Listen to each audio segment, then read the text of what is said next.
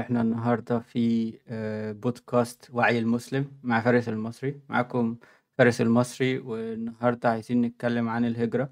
آه، شباب كتير في مصر وفي الدول العربية عايزة تهاجر والموضوع ده آه، يعني محدش معارضه قوي. يعني كل واحد حقه إنه يهاجر أو يشوف هي هيروح فين.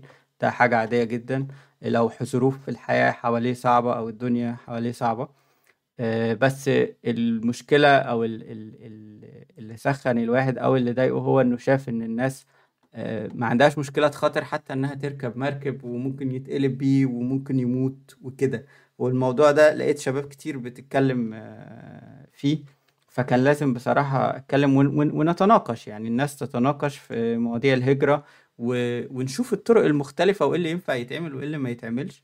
وكان بصراحة أهم سؤال عندي هو اللي عايز أتكلم فيه مع الناس هو لفين؟ الهجرة تكون لفين؟ فأنا هبدأ ويعني ممكن الناس تتصل بيا وتتكلم اللي عايز يسأل اللي عايز يستفسر. أه وهنبدأ المكالمة الأولانية مع أخونا هو يعرفنا بنفسه. اتفضل يا باشا. اتفضل يا باشا. إبراهيم أخوكم إبراهيم. يا أهلا يا أهلا. طبعا لو مشغل الصوت عندك بتهيألي انت قفلته صوت الفيديو آه نفسه. عشان ما يتكررش؟ زي الفل.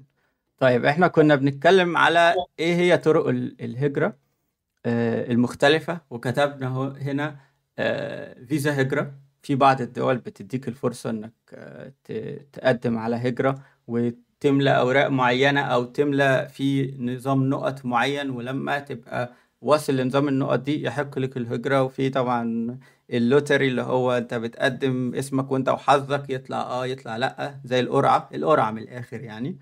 آه وفي فيزا عمل وفي فيزا دراسة وفي فيزا لم شمل اللي هي بتاعت الزواج آه من أجنبية أو كده. وفي فيزا السياحة اللي هي لو كسرتها يبقى انت كده آه، هجرة غير شرعية أو مركب أو دخول حدود بطريقة غير شرعية عموما.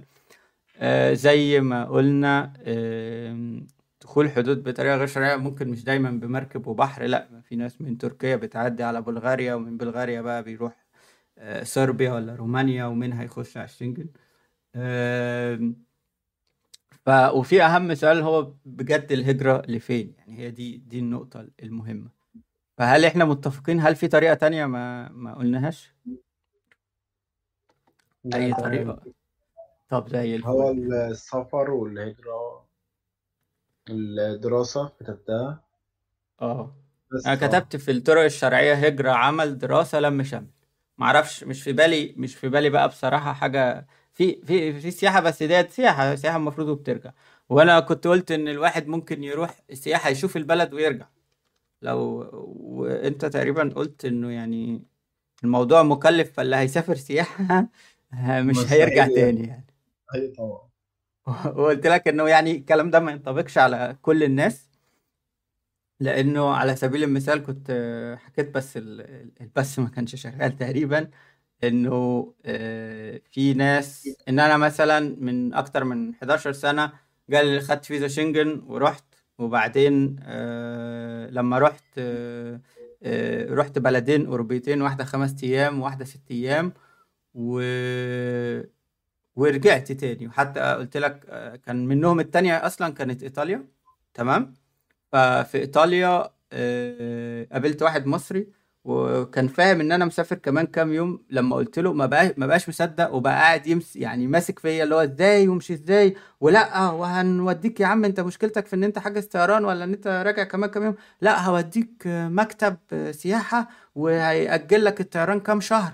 بس اقعد وأنا هوفر لك سكن عندي. و... وتشتغل بقى أو بتاع يعني كلام فيما معناه كده. ويعني كان ماسك فيا اللي هو أنت يعني أنا بقيت عايز أهرب منه. فأنت بت... الموضوع مش منطقي برضه بالنسبة له هو حتى. أه والله بص يعني أنا كان عندي مبدأ ان أنا يعني ساعتها أنا ها يعني وهكمل لك. ساعتها كان كنت عايش مستريح مش هضحك عليك.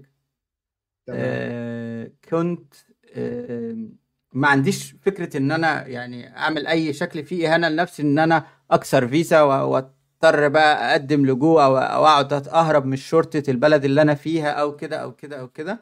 يعني كنت عايش تمام مستريح يعني ما كنتش شايف في داعي. آه أنا جيت شفت البلد واتصدمت على فكرة. يعني أنا في أسبوعين في بلدين أوروبيتين شفت في كل بلد فيهم حاجة آه، صدمتني. بس انبسطت. انبسطت وغيرت جو وكنت بتعامل كسايح وإن أنا بصرف فلوس والناس فسحتني من أهل البلد وكل الكلام ده. آه، بعديها بسنتين آه، رحت أمريكا قعدت حوالي شهرين لفيت آه، كام ولاية. وكان ليا أصحاب أمريكان قعدت معاهم في بيوتهم وفي كل حاجة وكده.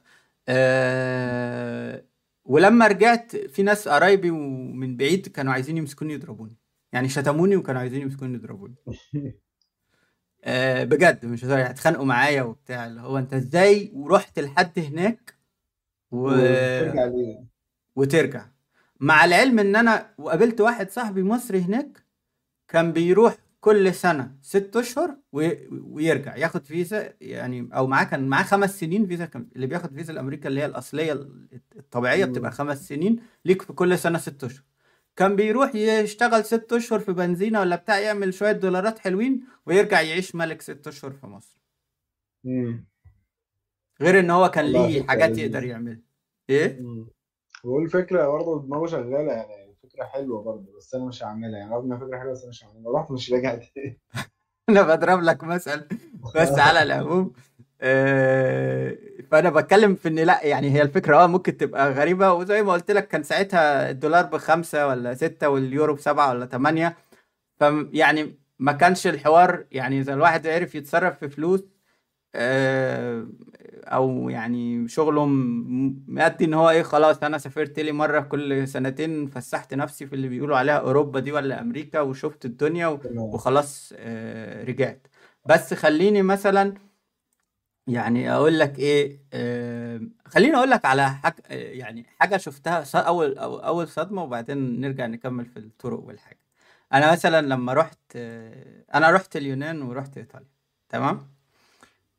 اليونان واحد يوناني بيفسحني فيها فقام ماشي كده وقام موريني آه يعني آه سينما وقال لي دي سينما آه أفلام إباحية بورنو. قلت له. سينما؟ أنا أنا سينما بقيت مصدوم. إيه؟ ده سينما عادية كده وسط الناس. آه آه. بص فأنا فأنا الكلام ده من أكتر من 11 سنة. فأنا قلت له إيه اللي أنت بتقوله ده؟ إزاي يعني السينما هي يعني الناس بتدفع تذاكر وتخش تقعد جنب بعض غريبة ما تعرفش بعض. وتتفرج كده عادي؟ قال لي آه. فدي كانت أول صدمة. تمام. بعدين يعني بتبدأ تستوعب إنه ما فيش بقى ال ال يعني يعني العيب والحرام والغلط الكلام ده مش مش موجود. طبعا يعني قال لي على قال لي قال لي على ناس وهي يعني طبيعي انت بتتفرج. في ناس بقى بتعمل حاجات وهي بتتفرج يعني انت قاعد. استغفر الله العظيم يعني. تمام؟ هو واحد. مطلع دراعه عادي المهم إيه رحت رحت بعدها إيطاليا. ف... فوانا هناك آه، كان في واحدة إيطالية بتفسحني. تمام. كنت كنت عارفها من مصر. ف ف سامح مع ما علينا وأنا ماشي قالت لي الكافيه ده صورت لي على قهوة وقالت لي آه، دوت للشواذ. فقلت لها إيه يعني هم ما ما لهم كده؟ قالت لي آه مش عارف إيه. المهم قلت لها طيب ما علينا أعوذ بالله وكملت آه، يعني مشي معاها. ف فبعدين والله اللي حصل ده لقيت راجلين يعني بيبوسوا بعض. فانا لا بيبوسوا بعض. فانا فأنا قمت بلمته كده وكأني رايح ناحيتهم. يعني لو إيه اللي بتعملوه ده؟ فهي بتشدني من دراعي وتقول لي ملناش دعوة فاهم. ف فده كانت تاني تاني صدمة إن أنا أشوف حاجة زي كده في وسط الشارع. لو أنت دايما بتسمع عنها وأنت في بلدك ما كنتش لا ما كنتش بسمع. لا لا ما كنت ما كنتش متخيل. لا صدقني صدقني. لا أنت. عمرك سمعت عن سينما بورنو؟ عمرك سمعت عن... لا لا طيب يبقى الشارع ده والشواذ ده كان مع يعني مع عارفين وإحنا هنا. آه، ما كنتش متخيل. يعني كان كان أفكاري إن هو ال... الواد بي... بي... الواحد بيبوس الواحده عادي في الشارع زي ما بنشوف في الأفلام وما جاش في بالي بقى إن هي للدرجة دي كان الموضوع وصل أنا. بكلمك من من من 11 سنة ما كانتش الدنيا آه، ولعت قوي كده. يعني ما كانش ال- ال- المدى وصل انه إن إحنا عارفين كده أو فاهمين كده فاهم؟ يعني. من 11 سنة لا ما كنتش أتخيل بصراحة. يعني كنت عارف إن أيوة. في جواز وفي حقوق مش عارف إيه بس لا من 11 سنة مثلا ما كانش في جواز شرعي في دول كتيرة في أوروبا للشواذ على فكرة يعني. يعني ما كانش يعني كان الموضوع بياخدوا حقوق شوية بشوية. المهم ما علينا نطلع من موضوعهم. فدولت كانوا صدمتين إيه، كنت شايف إنه هي يعني يعني برضو في حاجات كتيرة مت- أحدث وأفضل وأقيم وكنت عايز مش هت- مش هضحك عليك كنت عايز إن أنا أهاجر بس بطريقة شرعيه شرعيه تمام؟ آه المهم فخلينا نتكلم في في الطرق الأول نرجع للطرق. دلوقتي أنت واحد مثلا عايز تهاجر. هل أنت آه، أسهل فيزا أو يعني المفروض هي فيزا الدراسة. آلافات المصريين بيقدموا على دراسة وبيروحوا يدرسوا. فأنا كنت بسألك هل أنت عملت أي حاجة في الموضوع ده؟ لا عشان كان في حاجات في في نقط كتير ناقصاني في الموضوع ده. إن أنا طيب. آه، إن أنا اللي كنت بدور فيه تمام في موضوع الدراسة أو الناس اللي اللي على على اليوتيوب وعلى الفيسبوك وبيتكلموا عن موضوع الدراسة ومنهم بيدرس هناك وبينقل تجربته والكلام ده. المهم هو بيتكلم مش عارف لو جاب كام ثانويه عامه تقدر تسافر مش عارف فين ألمانيا أو إسبانيا أو روسيا وكده. فانا أصلا طب الفئة في فئة كده ساقطة من كلام الناس دي. فئة مثلا اللي معاه دبلوم تجاره ولا دبلوم صنايع. طب هل ده متاح له إنه يسافر؟ طب ماشي معاه الفلوس ومعاه إن هو مثلا بدل ما يروح يدفعهم في السفر غير شرعي طب خلاص طالما نفس الفلوس دي لو دفعتها في شرعي هقدر أسافر كدراسه طب ماشي لما خلاص يبقى الشرعي أحسن امن حتى أيوه. فاهمني؟ فموضوع ده هل هو ينفع مثلا لو واحد دبلوم صنايع ولا دبلوم تجارة؟ فاهمني؟ طب الثانويه العامة وعارفين لو جاب 50% ونص هيروح برضه هيورق وهيمشي.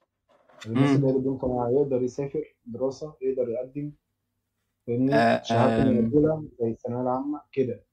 بياخد بياخد دبلومة بيعمل دبلومة آه يعني مثلا أنا مش طبعا أنا مش بشجع على السفر لأوروبا بس كمعلومة عامة آه بياخد زي دبلومة تمريض وبيطلع بيها ومع اللغة. يعني مثلا ألمانيا معروفة كده. أنا طبعا مش بشجع بس أنا بقول لك. يعني أقصد إن في ال- الم... بتاخد مهنة أو حرفة مطلوبة. يعني أنت مثلا واحد ما مش مهم معاك إيه بس أنت واخد دراسة معينة في المهنة ديت اللي هم عايزينها. هقول لك حلاق بس مش هو طبعا مش بيطلبوا حلاقين بس مثلا يعني. فأنت مثلا إحنا ما عندناش حاجة اسمها والله أعلم دبلومة بس في تمريض ليها دبلومة. في في IT ليه أيوه دبلومة. تمام؟ بي بي بيتقدم عليها بي يعني في حاجات في في حاجات بتدرسها وبتسافر بيها مع اللغة فاهمني.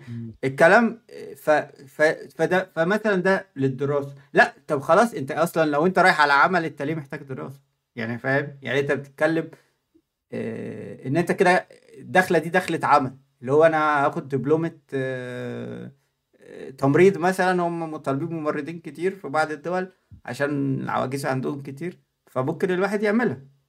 لا دي كده دخلت عمل زي ما انت قلت أنا بتكلم على ما الدراسة أنا هروح ادرس الد- الدراسة الدراسة يعني أنا آه، مش عايز أفتي فيها بس طبعا آه، الدبلومة برضو لو أنت معاك لغة وقادر إنك تجيب حاجات مستحقات ل- لدراسة معينة لأن مش كلهم عندهم الكليات أو النظام التعليمي ال- اللي بعد المتوسط أو بعد المدارس مش كله آه، دراسة اللي هي عايزة ثانوية عامة. يعني في حاجات بتبقى عايزة آه، مهني.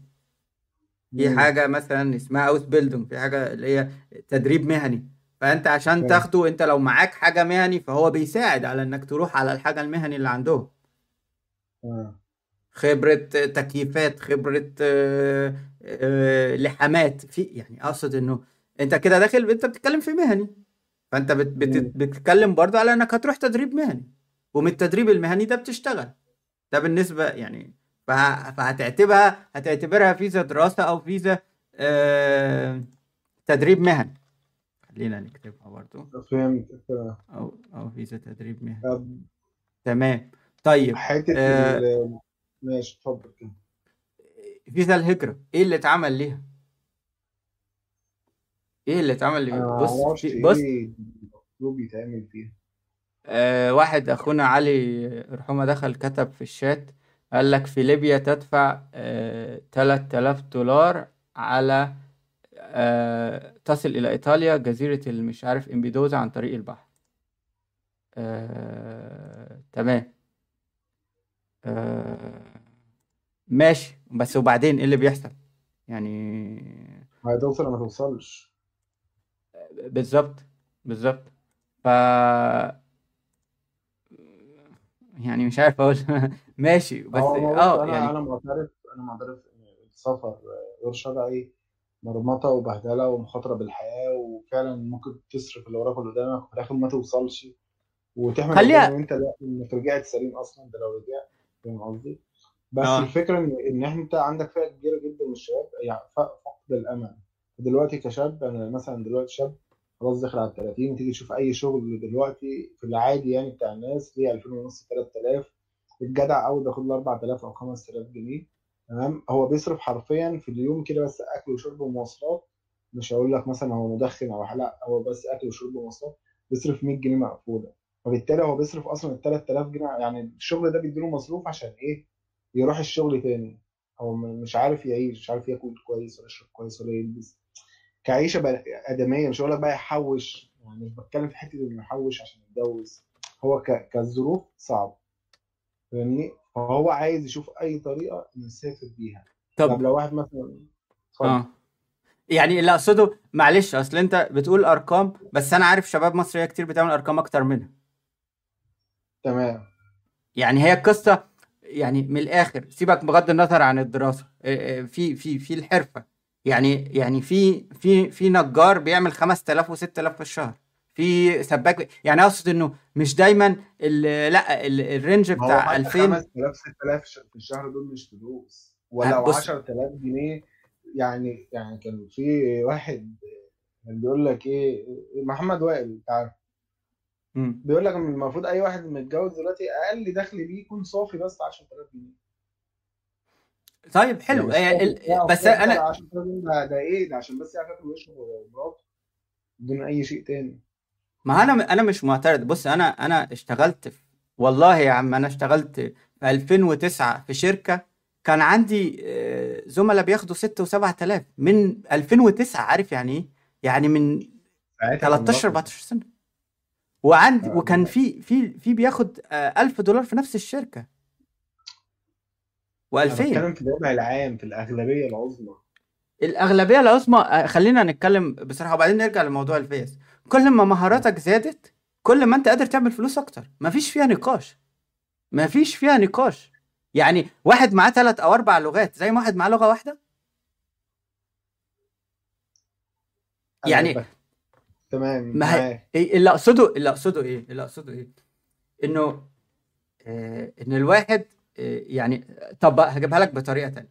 دلوقتي واحد راح على ألمانيا اتنين راحوا على ألمانيا تمام؟ تمام. واحد معاه عربي الاتنين معاهم فيزا شغل فيزا عمل أو فيزا سياحة. المهم يعني إن هما الاتنين يحق لهم العمل تمام؟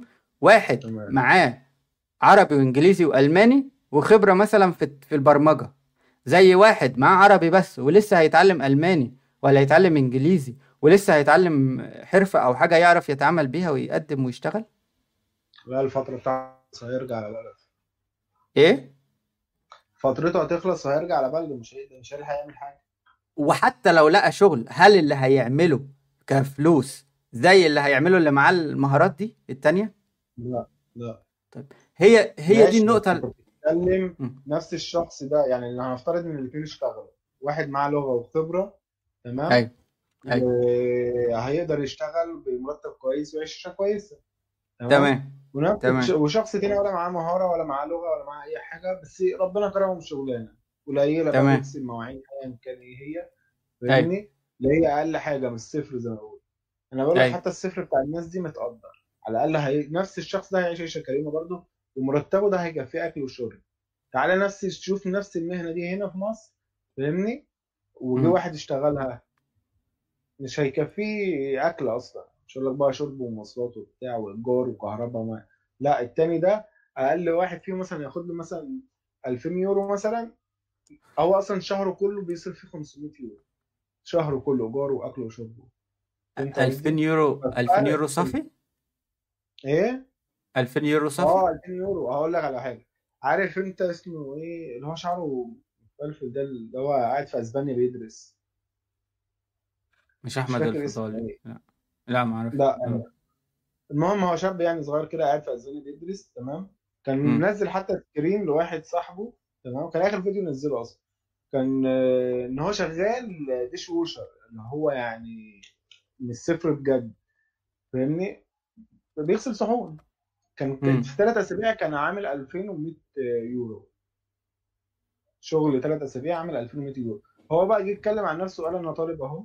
اكلي وشربي ومواصلاتي ولو هدلع نفسي بقى وأجيب هدوم ومش عارف إيه وايجاري وكل حاجة أنا يعني 500 يورو كده يبقى أنا كده مدلع نفسي. فأنت بيقول لك حتى الصفر عندنا هنا أنا أنصح أي حد يسافر. الصفر هنا حتى متقدر.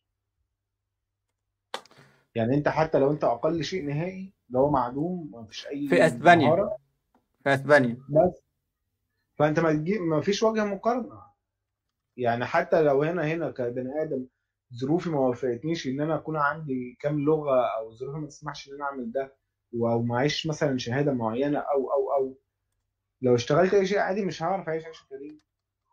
إن أنا أعرف ناس مهندسين سابوا مجالهم بسبب إن هو ممكن ينزل في مكتب وهو مهندس مش عارف بياخد له 3 4000 جنيه و5000 جنيه. مش كل المهندسين بتقبض 20000 وأكتر.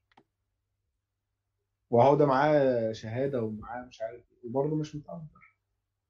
طيب أنا يعني تمام تمام. بس أنا يعني أنا كل أنا أنا بغض النظر إن أنا عشت في أسبانيا والله العظيم عشت في أسبانيا.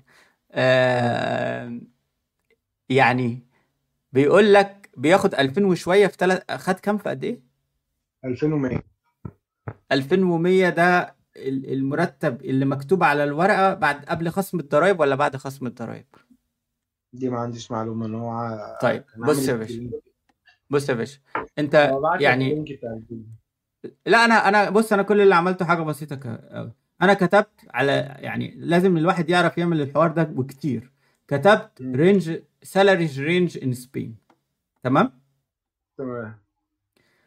فبيقول لك انه ال range بتاع ال- الإسبانيين بيبدأ من 1369 ده ال minimum. تمام. تمام؟ تمام. آه وبيوصل لحد أقصى 4446 تمام؟ فأنت بتتكلم يعني فكرة إن واحد يفتكر أو يقول لك إن أغلبية الأسبان بيقبضوا أكتر من 2000 يورو في الشهر دي مش حقيقة. يعني الش... الش... يعني صدقني يعني أنا يعني أنا جبت لك عم جوجل وفتحت أهو بس أنا بكلمك حلو. كمان عن عن خبرة مش تمام؟ مختلف معاك. still برضه هي... لو هبيقبض 1000 يورو برضه هيعيش مرتاح 1000 ولا لا؟ يورو هيعيش مرتاح. بص إحنا خلينا خلينا flat rent. خلينا بس أهو. أنا عارف عايز أقول لك أسبانيا أرخص بكتير من ألمانيا. أنا بقولها لك أنا عارف. يعني أنا تمام؟ flat تمام. in Spain average average price تمام؟ average price أهو. يعني عايزين نشوف ال range السعر ال- الإيجار. اهو يا عم.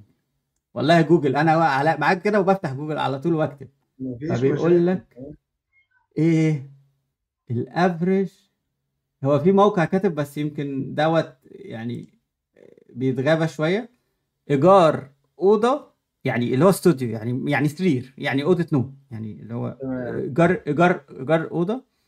آه، أوضة. لا أوضة كمان أنا آسف يعني غرفة نوم يعني أوضة مش مش شقة حتى. 642 ده, عاملها بالدولار بس يعني ماشي هتعملها تحسبها تقول 600 يعني. تمام لو باليورو. والشقة مم. 991 وكاتب تحتها هو بيكلمك في التكاليف بيقول لك ال ال عشان بس أنا أنا والله كل اللي عايز أعمله إن الناس تكتب بس تكتب وتبص. والله مش أكتر. أنا يعني يقول لك ال ال ال الغاز والمية والكهرباء والإنترنت والتليفون يعملوا لهم 188 يا بلاش. يعني ماشي. والتذكرة اتجاه الواحد بدولار وشوية. خلاص؟ How much does it cost to live in Spain per month? أهو يا عم. بيقول لك لو عيلة بتتكلف 2575 آه يعني 2360 يورو. ده لو لو أسرة. تمام؟ لو واحد بيقول لك إيه؟ 672 تمام؟ فأنت لو أنت 672 ده اللي هو يعني ما يعني في حاجات تانية ما اتحسبتش. إن أنا طب تصدق بالله أنا كنت في اليونان؟ من؟ آه، في اليونان من من شهر. والله العظيم إنهم كانوا بيشتكوا لي. أقسم بالله. الراجل عشان فكرة إن أنا مثلا عرف إن أنا في ألمانيا بتاع سواق التاكسي كان ناقص يشحت.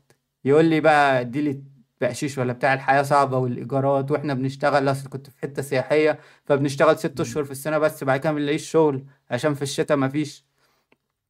يعني أنا. هقعد أنا أنا أنا هقعد أفصل معاك أكتر وهنرجع بس أنا عايز يعني أنا يعني عايز يعني الوضع بحاجه مش وردي بس برضه هرجع أقول لك ايا كان إيه الوضع هيكون أحسن من أنا احسن من من الحياة في مصر. وفي ناس من أهل البلد نفسهم ممكن يكونوا تعبانين ماديا فاهمني؟ بس برضه مش هيكون مفيش مش هيبقى في مقارنة بيننا وبينهم. طيب خلينا خلينا أكمل معاك. بالنسبة لنا إحنا أفضل. يعني هو ممكن يكون بالنسبة له الوضع بلده صعب. ممكن الوضع اللي هو شايفه صعب ده بالنسبة لي أنا كويس طبعا لو أنت جاي من وضع أصعب لو أنت جاي من وضع أصعب فلما ما دي هو يبقى الوضع الصعب بتاعه بالنسبة لك لا أنا أحسن من يعني بالنسبة لي أحسن كأن أنا جاي من من وضع أصعب منه هو شخصيا. من اللي هو كان عايش فيه. فأنا فأنا فاهم الكلام ده. طيب خلينا خلينا نبص هل موضوع الفيزا الهجرة هل أنت يعني هل اتعمل فيه أي حاجة؟ لا.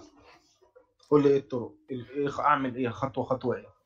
بس أنا. هخليك برضو فاهم أنا مش بتكلم بلسان أنا بس أنا بتكلم بلسان شباب كتير.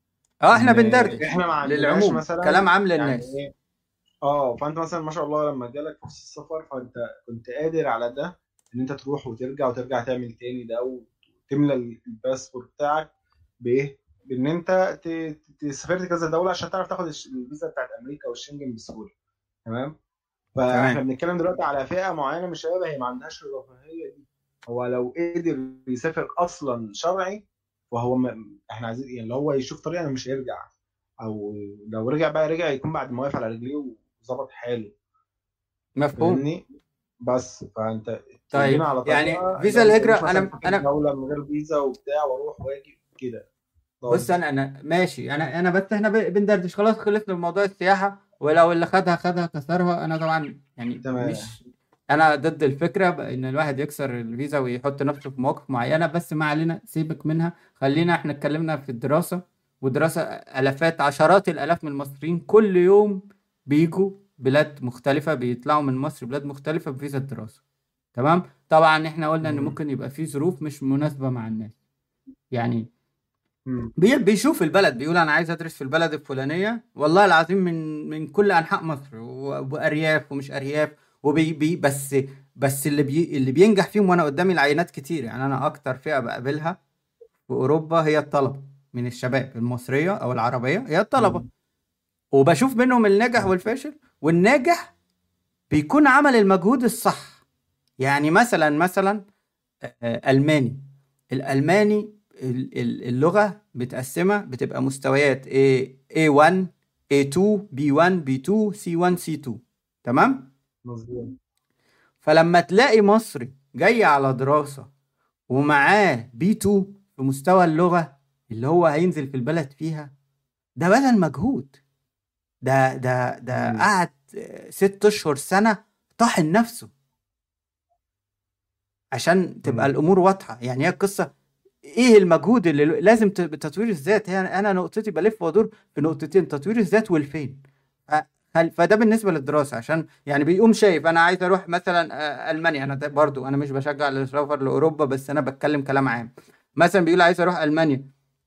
بيقوم فاتح. ألمانيا إيه المتطلبات؟ كذا كذا كذا كذا. أنا حققت منهم كذا أنا ناقصني كذا. إيه اللي يخلي وضعي يبقى أسهل؟ أنا درست آه الفيزا دي مطلوب لها كذا. لما هوصل كذا هقدم كذا هخلص ال- المطلوب هيبقى معايا آه، مش عارف فيزا بحث عن عمل ست أشهر أو سنة. فيها هكون آه، حققت. آه، لقيت. بالعكس ده هو بيخلص في الدراسة بيكون أصلا بدأ يدور على عمل بحيث ياخد ينتهي فيزا الدراسة. تبدا فيزا العمل يكون اوريدي مقدم لهم. أهو يا جماعة فيزا العمل أنا أنا عقد العمل أهو. فخلاص تتغير أيوة. الإقامة من بحث عن عمل لواحد مقيم. إقامة بقى أنت شغال في البلد. رسمي وبتدفع. ضرائب وبتدفع معاشات. فده بالنسبة تاني برجع لنقطة تطوير الذات اللي هي يعني أهم نقطة. طيب لو لو رجعنا يعني لو سيبنا يعني نخش فيزا الهجرة نفس النظام. أنت في بلاد معينة في العالم فاتحة الهجرة ليها بسبب حاجتها. في كام بلد؟ مش لازم برضو يعني المشكلة يعني أنا لو هنقولهم هنقولهم كدول غربية أو دول بتاع آه في نظام نقط في نظام هجرة. أنا معروف أستراليا معروفه كندا معروف إيه؟ برضه أنا مش بشجع ليهم لأسباب ممكن أشرحها بعد شوية. بس يقول لك النقط معاك إيه؟ أنت متجوز ولا مش متجوز؟ أنت مدرس قد كده في الدراسة؟ أنت معاك لغة كذا؟ أنت معاك كذا؟ معاك حتى. والسن صحيح؟ بالظبط. وهكذا. تمام؟ ف ف فديت خلاص يعني اللي برضو اللي عايز بيدور وبيمشي في الإجراءات وبيقدم الملف بتاعه و- وعادة لو هو محقق المطلوب بيتقبل. مع العلم إن هم دلوقتي بيطلبوا أكتر ويسهلوا في الحاجات أكتر لأن شبه بينقرض اللي هي على الأقل البلاد الغربية. طيب فيزا الهجرة فيزا العمل فيزا العمل ماشي أنت عايز تقول إن هي صعبة. لا انت بتقول لي في مهندسين وفي صاحبك مش عارف دارس إيه ودارس إيه. هو لو الواه لو هو آه معلش يعني حاجة مطلوبة. يعني مثلا مثلا يعني آه مهندس آه automation أو مهندس آه، مش عارف برمجة ذكاء صناعي آه، خبرة في مش عارف إيه. وهو ده مطلوب هناك. ومعاه آه، آه، ال CV الحلو والخبرات الحلوة وعمل آه، ومعاه اللغة. لما يجي يقدم هيقولوا له لا ما تجيش. ولا هم اللي طالبينه أصلا. هي هي هيرفضوه. هو أنت حاسس إن البلد كلها واخدة فيزا في الموضوع مش ده؟ مش قصدي لا قصدي الناس الناس الشباب معظمها يعني هنتكلم بقى الناس اللي معاها شهاده مهندس مدني عادي أو مهندس ميكانيكا. يعني ده ده الأغلبية في الشباب مش العادي. أنت بتتكلم دلوقتي مهندس الذكاء الاصطناعي مطلوبين برضه. ده مجال جديد جدا. عشان كده طبيعي مطلوب. زي البرمجة في الأول أول ما طلعت بس بس ده مبالغ ماشي بس هو يعني هو اللي وصل مثلا مهند هندسة مدني أو ميكانيكا وعلى شوية خد شوية خبرات. يعني أنا صاحبي تقريبا مهند هند مهندس ميكانيكا. بس دخل في حوار عمل العربيات الكهرباء من وهو في الجامعة. يعني من وهو في الجامعة في كام جامعة في مصر بتعمل آه، مواضيع العربيات الكهرباء. إن هو يعملوا بس بتبقى حاجات صغيرة ويعملوا سباقات ما بينها بتبقى حاجة كده زي عربيات سباق. بس كهرباء تمام. آه ودوت طبعا مطلوب يعني ما فيش فيها نقاش فاهمني فهو. القصة تاني في تطوير الذات تطوير الذات ال- اللي يخليك أنت مطلوب وهم اللي عايزينك مش أنت اللي بتهرب لهم وهم يعني يطوحوا فيك. براحتهم.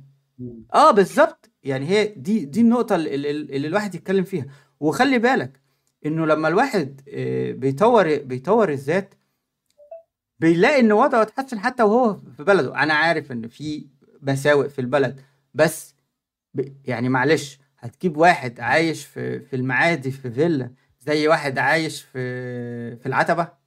في في شقة. المرجع لا عتبة ده العتبة أغنياء دلوقتي المرجع طب في البرج يعني طيب هتجيب واحد عايش في مدينتي ومعاه عربيته و...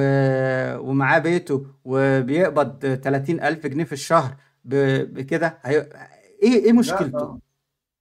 ده إيه مشكلته؟ دي بلد ودي بلد تانية يعني هو بالنسبة لي في بلد تانية مش في بلدي اللي أنا عايش فيها أو الظروف اللي أنا حاسس بيها. طب و... ال... ال... ماشي. دوت ممكن يكون فيهم ناس ورثوا عن أهاليهم ورثوا عن بتاع مش عارف إيه مش عارف إيه. بس هل مفيش منهم ناس هي اللي تعبت واجتهدت واشتغلت لا لا سنين في لحد في ما ناس أعرفها شخصيا ما شاء الله عليها آه، لا لا اتعلموا وقفوا على رجليهم ومسكوا فلوس كويسة جدا يعني ونقلوا حياتهم حتة تانية خالص. فاهمني؟ وهل, بس وهل كلهم دي عايزين يهاجروا؟ مش فكرة بقى كلهم عايزين يهاجروا. أكيد لا أكيد في منهم في منهم اللي سافر بالفعل فاهمني؟ وراح وبيرجع وبتاع. وليه شغله بره وبتاع. فمش شرط يعني إن هو يكون عايز يسافر طب أنا مرتاح هنا ما خليني في وسط أهلي ليه اتغرب طب أنا كده كده حالتي المادية مرتاحة وليا شغلي وليا وبكسب هنا كويس جدا. أنا ما إيه اللي يخليني أسافر بره أغسل سخون ولا ولا أشتغل أي شغلانة عند أي حد وأنا أصلا مرتاح. بالظبط بالظبط بس بس طيب. أنا مش بتكلم عن الفئه دي خالص أنا بتكلم عن فئه الشباب. اللي اللي هي هي دي أغلبية اللي إحنا بنتكلم فيها دي, أغلبية أكبر من الشباب مثلا اللي قدرت تنجح تقف على رجليها والكلام ده كله؟ طيب. الأغلبية الأكبر إن الناس عايزة تسافر عشان تحسن من حياتها ومن حياة أهاليها. من ح... ماشي. وفي ناس فعلا بتبعت فلوس. يعني أنا شفت بعناية ناس بتيجي و... وتقوم يعني تبعت فلوس ل... لأهاليها. أنا عارف. أنا لك ان 100% هيبقى لازم ويساعدوهم. إن الوضع معظم الناس اللي بتسافر تمام؟ آه، مش كلها بتبقى مرتاحة وكلها بتبقى حتى اللي مسافرين غير شرعي ويسافروا بيبقى أبوه عنده قراطين بايعهم ولا بيت بايعه عشان يسفر ابنه فاهم؟ ويا عالم يوصل ما يوصلش ولو وصل بقى بيبقى منتظر ابنه بقى هو اللي يصرف عليه وعلى البيت. طيب ده آه دلو... طيب ماشي خليني طيب آه أك- أكمل معاك. أنت دلوقتي فيزا لم الشام دي بلاش منها خالص. يعني حوار إن الواحد يشوف واحدة أجنبية يتجوزها دي مش عايزين نتكلم فيه لأنه ضياع للأهل والنسل أصلا يعني. أنا مش. عايز مش, مش عايز أخش فيها. وفي ناس كتيرة بتعملها وكده؟ آه يعني آه، كمية القصص والحكاوي اللي الواحد شافها قدام عينيه آه، بص يعني لدرجة إنها رجاله بتبقى عايزة تموت لما يخلف عيل وبعدين تطلق ويبقى بقى بتربيه بمزاجها توديه الكنيسة تأكله لحمة خنزير تعمل إيه عادي بسكليتة مم. إيه آه يعني فيها قصص كتير يعني خاصة إن أنت. بتتكلم في بلد البلاد هناك هم بيشجعوا على الطلاق ويشجعوا على الفصل ويشجعوا إن الست تبقى أم عازبة وتربي العيل لوحدها ويدوها فلوس وتبقى حرة و-. وتعمل اللي هي عايزاه فمش. مش عايز مش عايز أخش هو أنا بص يعني مؤيد فكرة الجواز بس مش مؤيد فكرة الخلفة. لو أنا ممكن أتجوز علشان آخد الجنسية مثلا أو أو اخد الأقامة وكده ولكن أكون دايما واخد بالي إن أنا ما اخدش ماشي بس خلي خلي بالك في حاجة انك غصب عنك هتقدم تنازلات. ليه؟ يعني اولا أنت ممكن تتحكم مليون المية بس الست يعني ده يعني عن عن معرفة كتيرة. الست اللي عايزة تخلف بتعمل الدنيا مستحيل عشان تخلف خاصة لو بدأت تكبر في السن. تمام؟ يعني آه، مع لا مؤاخذة يعني ممكن تخرم الكندم وانت مش إيه؟ تخرم الكندم يعني تخ- تخرم فيه بحيث آه. وانت مش مدرك بحيث الواقع يعني. آه، مم. ممكن آه، تقول لك أنا خدت حبوب وهي ما خدتش. ممكن يعني فاهم في كل ال- ال- ال- اللي عايزة تخلف تعمل حوارات كتير قوي. ف... لا ف... إن الممثلين والمغنيين كانوا بياخدوا الكندم بعد ما بيرموه. بالظبط بالظبط. بياخدوا على رأي الحاوي عوض بي... بيقوم فاتح الحنفية المية السخنة يدلق في الح... المهم يعني مش دي النظرية. أيوه. اللي أقصده آه، زود على كده في الحوار ده معلش إنه إن هي إن أنت بتبقى رايح في وضع ضعف. يعني هي اللي متحكمة هي اللي بإيديها ت... نفس يعني تعمل اللي هي عايزاه. يعني هي أنت هتقول لأ هتقول لك طب بالسلامة. يعني فاهم؟ انت ودي ضيعت انت قوامتك من الأول. انت داخل أصلا وانت مضيع قوامه زي كده اللي بيمضي قايمة فهو أصلا في أي لحظة تقول له هسجنك بالقايمة. آه نتكلم أيوه. بصراحة. فهو نفس المنطق. انت ورقك من عليها دنيتك عليها هي متحكمة فيك. في واحد يقول لي واحد مغربي اشتكالي آه، جا- جوز واحدة وكان متفق تبطل سجاير ومش عارف إيه وبتاع. من أول لما راح إسبانيا لا يا عم أنت مالك أنا حر أنا أعمل اللي أنا عايزه أنا مش عارف إيه بتاع. فاهمني. أنا مش ألبس كذا براحتي أنا كده. هتعمل إيه؟ مش عاجبك؟ يلا بالسلامه أرجع بلدك. مم. وبيضطر يتنازل وبيضطر ي- في يعني الأول جرجرت. ينكسر. إيه؟ في الأول جرجرت. آه آه يعني في واحدة طالعه لسه طالعه أكتر من واحدة وواحد يطلعوا يحكوا حكايتهم إن هم قال لهم أنا أسلمت. يعني واحدة لسه مسجلة مع شؤون الاسلاميه مع أخونا مصطفى الشرقاوي. قال لها أنا. أسلمت فرنساوي وايه وحلو وجميل وقامت متجوزاه ومسافرة معاه وخلفت منه. وبعد كده مش اتفاجئت بس إن هو يعني مش مقتنع وإنه بتاع لا اتفاجئت إن هو أصلا كمان يعني ليش الشذوذ بيعمل مع رجالة كده مم. واتطلقت. ودلوقتي جت تسافر بس تزور أهلها بيه في المغرب آه، منحها. يعني وقفت في المطارات رغم انه قال لها آه موافق مفيش مشكلة. وجت طالعه وقفت. واتوقفت في المطار وبقتش محبوسة ب- بعيلها ببنتها أنا آسف في, في. فرنسا. مش عارف. فموضوع الجواز ده يعني موضوع سجلت فيه حلقات أصلا كتير نصايح ناس من اللي الواحد. بيشوفه والله. من اللي الواحد بيشوفه. طيب يعني أنت موضوع المركب عشان طب في في نقطة أنا عايزة عايزة نتكلم أسمع رأيك فيها وقول لي. أنت تمام اتفضل دلوقتي عايش في مصر وعايز تهاجر على. أوروبا. في بلد معينة في دماغك؟ مثلا؟ آه بلدين. إيه؟ هولندا وأسبانيا. طيب خلينا مثلا نقول هولندا. خلاص؟ هل وأنت قاعد دلوقتي؟ أهو. آه، تقدر. وأنت بتتكلم أهو معايا. تقدر تمام. تقول خمس مزايا في هولندا مش موجودة في مصر وخمس عيوب. في في في في, هولا في, في خمس مزايا في مصر مش موجودين في هولندا؟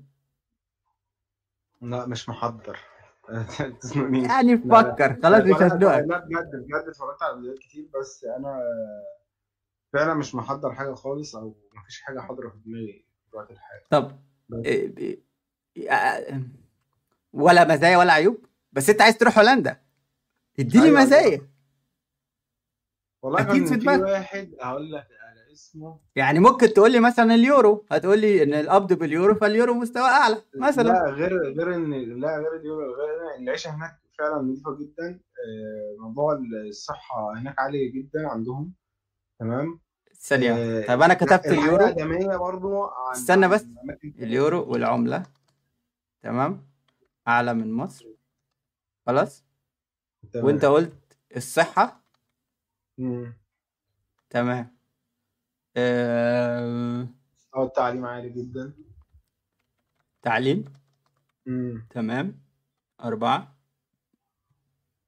بس التعليم ده ليك ولا أنت كده بتتكلم لعيالك؟ عشان دي قصة تانية خالص. الاثنين قصدي على طيب الاثنين ماشي. خلينا نتكلم كأنك بتتكلم ليك. يعني خلينا بنتكلم ك... كفرد. ماشي. تمام. وهي بص وحتة العنصرية دي هي أقل من غيرها يعني كده كده فيها عنصرية. بس ك... طب ما كحكومة يعني مثلا في فرق ما بينها وبين السويد. السويد طيب خليها يعني إحنا هنكتب في العيوب العنصرية. لكن هي آه لا هي غير مثلا السويد أو غير الدول اللي هي بتدعم الكلام ده. طيب فاهمني؟ يعني إحنا طلعنا بثلاث مزايا واتكلمنا في عيب هو عنصرية. خلاص؟ لا مش عيب آه، ان هي ماشي. بس هي هي عايز أقل تقول من عنصرية أقل؟ ماشي ما, آه ما أقل. دي يعني دي بس إحنا بنقارن مع مصر. إحنا بنقارن مع مصر. إحنا آه مش هنقارن. إحنا إحنا دلوقتي أنت بتقارن من اللي أنت هتطلع المكان اللي هتطلع منه للمكان اللي أنت عايز تروح له. لا لو قارنا بينها وبين مصر مصر فيها عنصرية أكتر. لا يا راجل. لا يا راجل. ما تقولش كده ده لا كلامنا كله فيه عنصرية. ماشي. أنا ما بنكرش إن مصر فيها عنصرية وأنا شفت قدام عينيا من... يا عم ده ده ده ده, ده تنمر ده لا لا ده تنمر مش عنصرية. أنا ما بنكرش إن مصر فيها عنصرية. أنا شفته قدام عينيا في المترو خدت مرجع حلوان من زمان. آه، الشباب واقفة بترخم على بنت بس عشان سمرة وشعرها معمول ضفاير كده اللي هي ال... أيوة فالموضوع عندنا يعني مش يعني ف... مش هو فأنا عندنا مش الموضوع بقول بس أنا بتكلم يعني إحنا إيه عارف يعني ما ها أنا بتكلم إن إن الواحد يبقى عنده خطة أي حاجة في الدنيا عايزة خطة. مم. أهي دخلت آه... آه... حد كتب عيشة آدمية. عيشة آدمية. رقم كام؟ أربعة عيشة آدمية. يا عم هو الناس داخلة ترد بدالك يا عم. أهو فبالظبط. أهو لا والعيشة الآدمية في أي دولة عموما غير اللي أنت عايش فيها.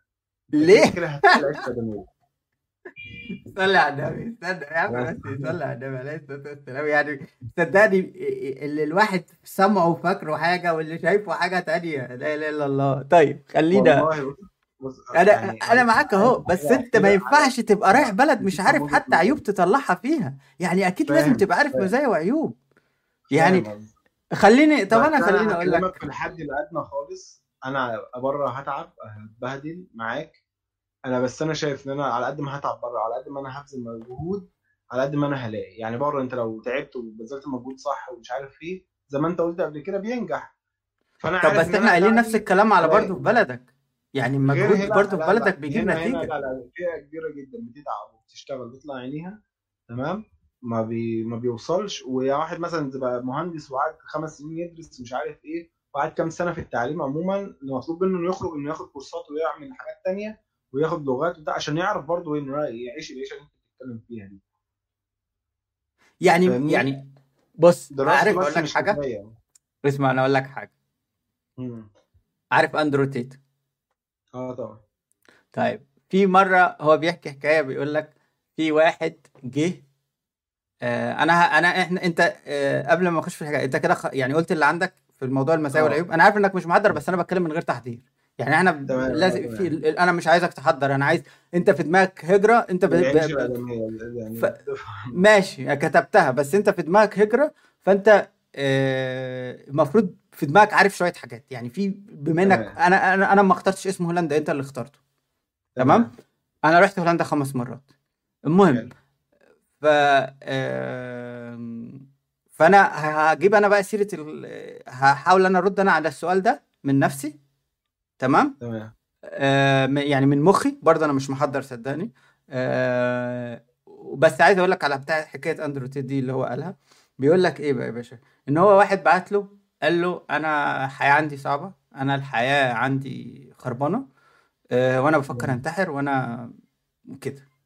أنا عايز أفتكر بالظبط هو قال له إيه؟ قال يا إما قال له يا إما قال له اعمل قال له بص ماشي مفهوم وأنا مش مش هقول لك ما يعني مش مش جاي أقول لك لا ما تنتحرش والحياة حلوة وبتاع بس أنا أقول لك قبل ما ما تنتحر أو قبل ما تخش تعمل كده قال له حاجة من اتنين أنا مش متأكد قال له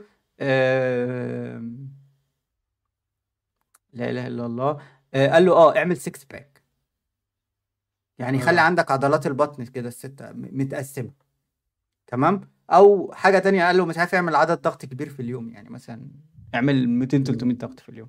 وبعدين قال لك إن هو بعد كده لأ حياته اتظبطت وبتاع وخلاص قال له لأ أنا يعني أنا بعد ما بذلت مجهود وبقى بعمل مش عارف إيه وبعمل إيه. فهنا بتكلم في نفس المبدأ إن هو ال ال آه، إن الواحد لما يعمل ال- المجهود المطلوب منه. بعد كده بيلاقي تغير كبير في حياته يخليه يتغير طريقة تفكيره نفسها تتغير. فاهم قصدي؟ تمام على سبيل. على على سبيل. وده اللي أنا عايز الناس تعمله يعني ده اللي أنا اللي أنا اللي أنا عايز أوصل للناس إنها تعمله يعني. يعني عايز- يعني باين أنا برضو مش بتكلم عن نفسي بس أنا سواء لما رحت آه، قبل ما ما ما هاجر ولا بتاع لما رحت آه، بلاد اللي أنا رحتها دي سواء في أوروبا أو أمريكا ورحت دول تانية برضو يعني رحت في آسيا آه، كنت عارف أتعامل يعني كان معايا اللغة كان معايا فلوسي كان معايا آه، مش كاميرتي بصور ماشي بتفسح بس أقصد بتعامل. فمثلا الإنجليزي إيه مستوى الطلاقة فيه عندك؟ طلاقة أنا بتكلم في طلاقة مش مجرد. إيه مستواه؟ يعني لقينا نقدر نعمل الحوار ده دلوقتي بالإنجليزي؟ وأنت عارف إنه أساسي. مش هتقعد تحتاج مترجم. تمام. آه... طيب خليني فأنا اللي أقصده إن هو موضوع المجهود الأول مجهود تطوير الذات اللي بعد كده بيفتح لك طرق كتير سواء هجرة أو غير هجرة فاهمني. فخليني أكلمك أقول لك أنا على شوية أحاول أنا أفكر معاك في مزايا وعيوب. خلاص؟ دلوقتي أنا بن... قبل قبل معلش قبل ما أقول لك المزايا والعيوب أنا عايز أسألك سؤال وأسأل نفسي وأقوله للناس يا رب الناس يعني تاخده بجد و... وتستفيد منه.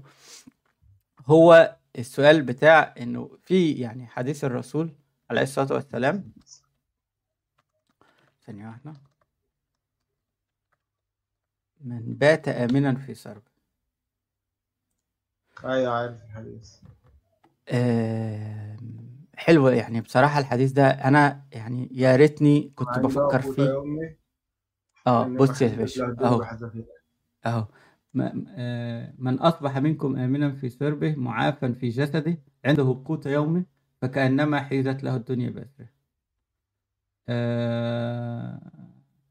وهو يعني واضح إن هو واضح إنه حديث صحيح فدي فدي نقطة آه، يعني أنا يعني آه، عايز أدخل الدين بس هو دي نقطة الناس كتيرة مش مدركاها ومش مش قنوعة بيها. وللأسف آه هي يعني هيفقد. ممكن تفقد حاجات منها لما تسافر. ممكن ممكن أو ممكن لأ بس هي دي النقطة لازم الواحد يحطها في دماغه طول الوقت. يعني آه، فدي فدي نقطة. خليني بقى أقول لك أنا شوية ردود على المزايا وال... والعيوب. وكده. خلينا أتكلم. أنا بقول لك آه، يعني هولندا رحتها بتاع خمس مرات. تمام. آه، ماشي. اليورو أكيد أعلى. تمام؟ تمام. آم، الصحة لا مش هعتبرها وهقول لك ليه. يعني أنا ما هقول لك ليه. آم، والتعليم ماشي التعليم هعتبره. تعليم المفروض مستوى أعلى. عيشة آدمية آه، ماشي يعني هسيبها بس هرجع لها تاني. تمام؟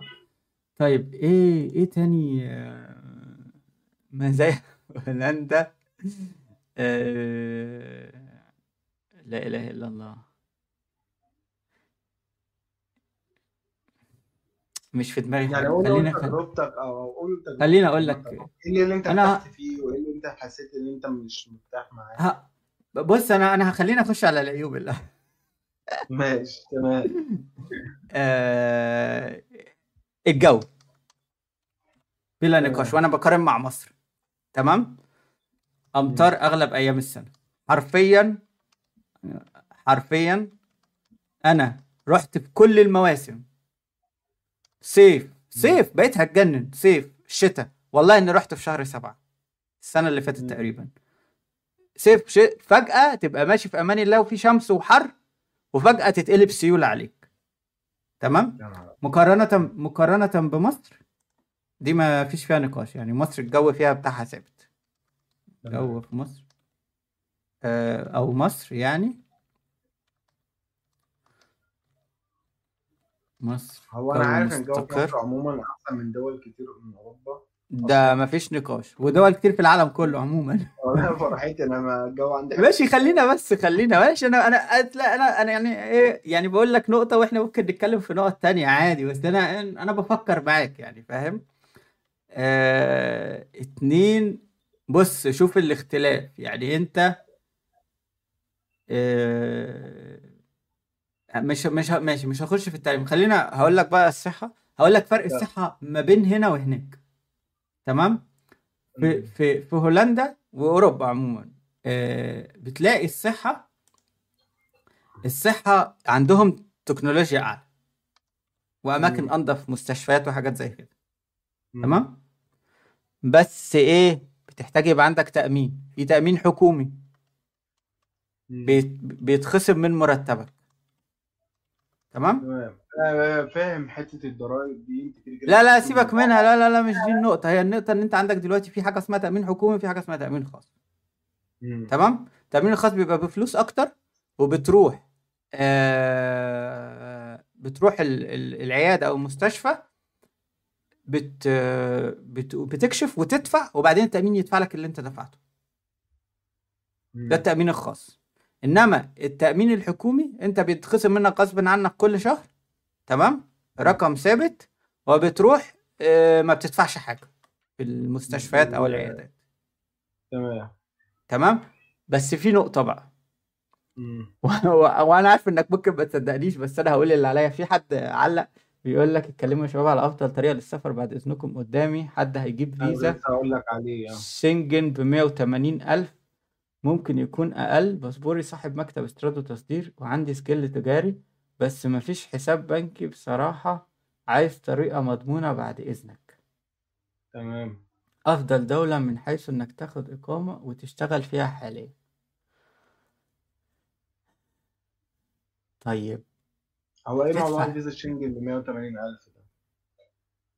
والله أنا ما يعني مصدق. يعني يعني إزاي؟ أنا إزاي حد هيجيبها؟ يعني؟ يعني ما هو بص حاجة من اتنين. هنرجع للموضوع بس خلينا نحاول نرد رد سريع كده. حاجة من اتنين. أنت يا إما فيزا مضروبة يا إما فيزا حقيقية. فيزا مضروبة هتتقفش جوه في ال- في المطار هيرجعوك على الطيارة اللي رجع صح؟ ولا أنا غلطان؟ مم. مظبوط. تمام. طيب فيزا حقيقية. انت بت... بيتقدم عن طريق مكتب والمكتب بيقدم للسفارة والسفارة بتقرر مم. إيه التغيير اللي محتاج إيه اللي محتاج 180 ألف عشان يجيب لك فيزا الشنجن يعني مثلا انك تضرب ورقة انك معاك في البنك طب ما انت ممكن تروح لأي واحد بتاع Photoshop وتعمل ولا بتاع وتعمل ورقة بنك آه، فيها 200 ألف جنيه. بغض النظر إن هم بيتصلوا. والحوار ده ب 100 جنيه ولا 200 جنيه هتروح لأي واحد. إيه ال- إيه إيه بتاعت أيوه يا عم. إيه اللي يخلي واحد يدفع إيه اللي هيتعمل عشان يجيب لك الفيزا؟ هل هو شغال جوه السفارة فهيطلع لك الفيزا؟ يعني هيضمن لك إن الفيزا تطلع؟ ما هو اديني يا يا عم لو أنت سمعنا قول لي لو سمحت. إزاي هيطلع لك فيزا شنجن مش مزيفة؟ إلا لو أنت فعلا قدمت وأوراقك بتقول إن أنت تاخدها فهتاخدها من غير ما تدفع ال 180 ألف دول. صح ولا لأ؟ هتدفع تكاليف الفيزا بس. يا عمي وليه؟ يعني أقصد رايح لفين هيعمل بيه إيه؟ يعني أنت دلوقتي هتديه لواحد. الواحد ده هيعمل إيه؟ يا ريت تشرح لنا لو سمحت تفاصيل. يعني أنت لو سمحت حط كده قول هديها له فهو هياخد الباسبور وهيسلمه لي فيه الفيزا. طيب هو هياخد منك الباسبور؟ هل هيدخله السفارة ياخد عليها فيزا ولا هل هيضرب لك فيزا؟ ممكن يوضح؟ آه، آدم ولا قديم تمام؟ يعني قول لنا عشان نرد عليك. غير كده لأ مفيش حاجة اسمها كده. ما- يعني م- مفيش. يعني فيزا هيخش ال- الجوازات إذا عدوك هي- هيمسكوك في الجوازات هيرجعوك. لو فيزا مضروبة. لو فيزا حقيقية فأنت بتاخدها من السفارة. بتدفع تكاليف السفارة وتقدم الورق اللي يثبت إنك تستحقها وبتاخدها. صح؟ ويوافقوا عليك فبتاخدها. ال 180 دول راحوا لفين والمين؟ وازاي؟ وعشان يعمل إيه؟ إيه اللي عمله؟ الا ان هو شغال في السفارة فبيضمن لك هو اللي في ايده يقول لك صح آه موافق عليها ولا لا. يعني بتكلم وبعدين انهي بلد؟ هو أصلا إيه الهبل ده؟ يعني دي ده كلام عام ده كلام بي ده نصب. انهي بلد؟ هيطلع لك فيزا شنجن انهي بلد؟ هي شنجن دي فيزا اسمها فيزا شنجن من غير بلد؟ ولا فيزا شنجن من اليونان أو من اوروبا آه، إيطاليا ألمانيا فرنسا هولندا أي بلد من بلاد الشنجن. بس فاهمني؟ ف حد يقول له إنه يعرف حد؟ إيه؟ كاتب. على حد يقوله إنه يعرف حد والدفع بعد التأشيرة والكشف عليها في السفارة. انسى. انسى. يعرف حد؟ بيقول يعني يعرف حد جوه السفارة؟ ده لو اتقفش هيتقق خرب بيته. مفيش الكلام ده. مفيش. هيدخلها لك أنهي سفارة؟ يعني بلاش الكلام العام يا جماعة. إيه إيه السفارة وأنهي بلد وإزاي و... يعني الكلام ده مفيش لا لا ده اشتغالات ده اشتغالات. لو أنت حد شايف إنه في كلام فيها منطقي يقوله لي. وأنا وأنا سامعك أهو. خليني أرجع لك. آه آه ما- بالسهولة ديت. وهنفترض حتى لو هو شغال في المكان جوه فهل هو شغال رتبته إيه أصلا جوه ولا وضعه إيه جوه؟ وحتى لو وضعه كبير في الموضوع برضو خطر عليه هو. يعني وهيبقى بالنسبة بيكون بيقبض كويس مش محتاج الفلوس دي. وعارف انه لو لو اتقفش هيروح في داهية. هيترفد هيخسر وهي... وهيخسر كتير جدا. بيقول لك أسبانيا. أسبانيا فيها فساد شوية. هو بيسأل بيقول لك أسبانيا شنجن؟ آه آه أسبانيا شنجن آه. لا مش بيسأل هو عارف. اسبانيا فيها شوية فساد بس مش للدرجة دي. مش لدرجة إنه يطلع لك آه... فيزا مضروبة. ما بص. هرجع له. عشان موضوع ال 180 ألف دول يعني يعني لو ربنا أراد هو يقدر يضاعفهم.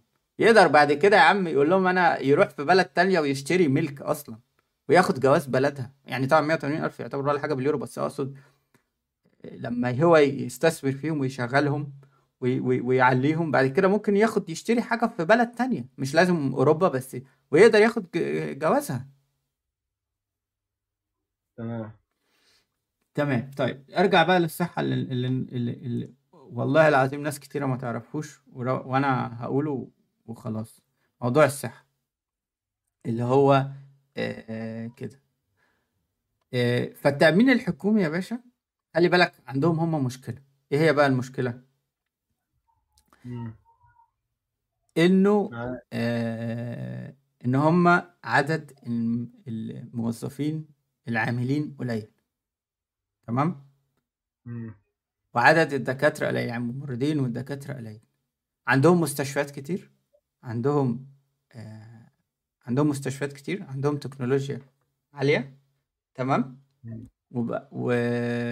وأجهزة عالية بس مين اللي بيشتغل عليها ومين اللي بيكشف عليك والله وربنا يشهد إن أنا في السنين اللي فاتت يبقى عندي عايز أروح أكشف مثلا عند دكتور جلدية أو دكتور عظام يدولي الميعاد بعدها بشهر وشهرين. في مصر كنت بخش المستشفى الحكومي أحجز التذكرة كان على أيامي بخمسة جنيه يقول دلوقتي بخمسين جنيه.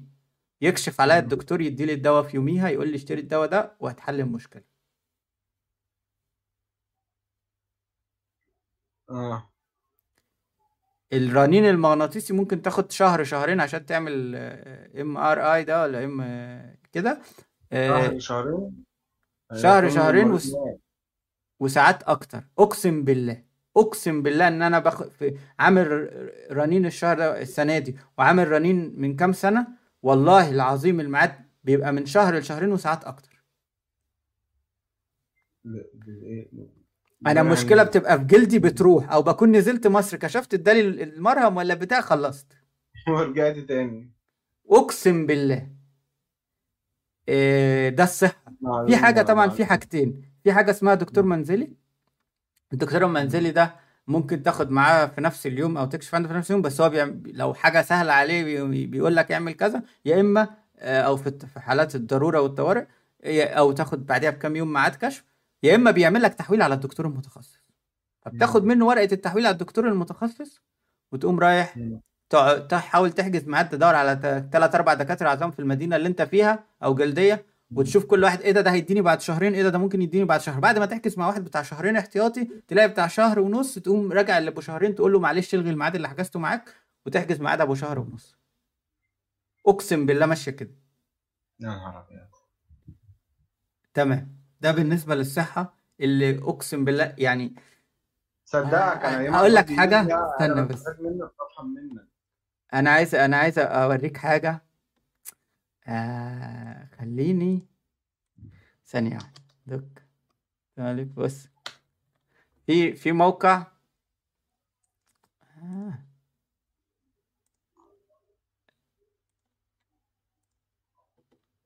ولاد الذين تحس إن أنت متراقب على إني بحاول أعمل ام ار تي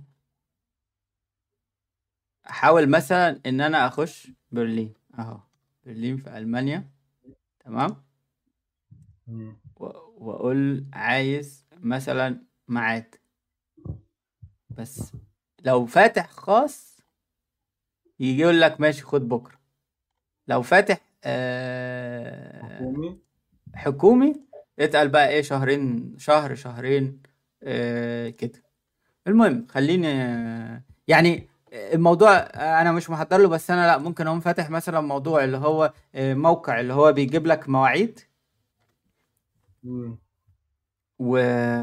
وتبدأ تدور فيه آه، إنك تحجز ميعاد عند دكتور. تمام؟ وتشوف أنت يعني الواحد يوم شايف المواعيد آه، إمتى. أهو. هامبورج بعدين عايز أقول له MRT اللي هي MRI يعني الرنين. المهم ما علينا عشان حاسس ان الحوار آه هيطول. بس Radiologie مش عارف إيه خش عليه. قول له حاول تحجز ميعاد. بيسأل بص بص استنى. آه أنا مش ضامن ده استديني بجرب. آه ده ده أشهر موقع اسمه دوكت صالب.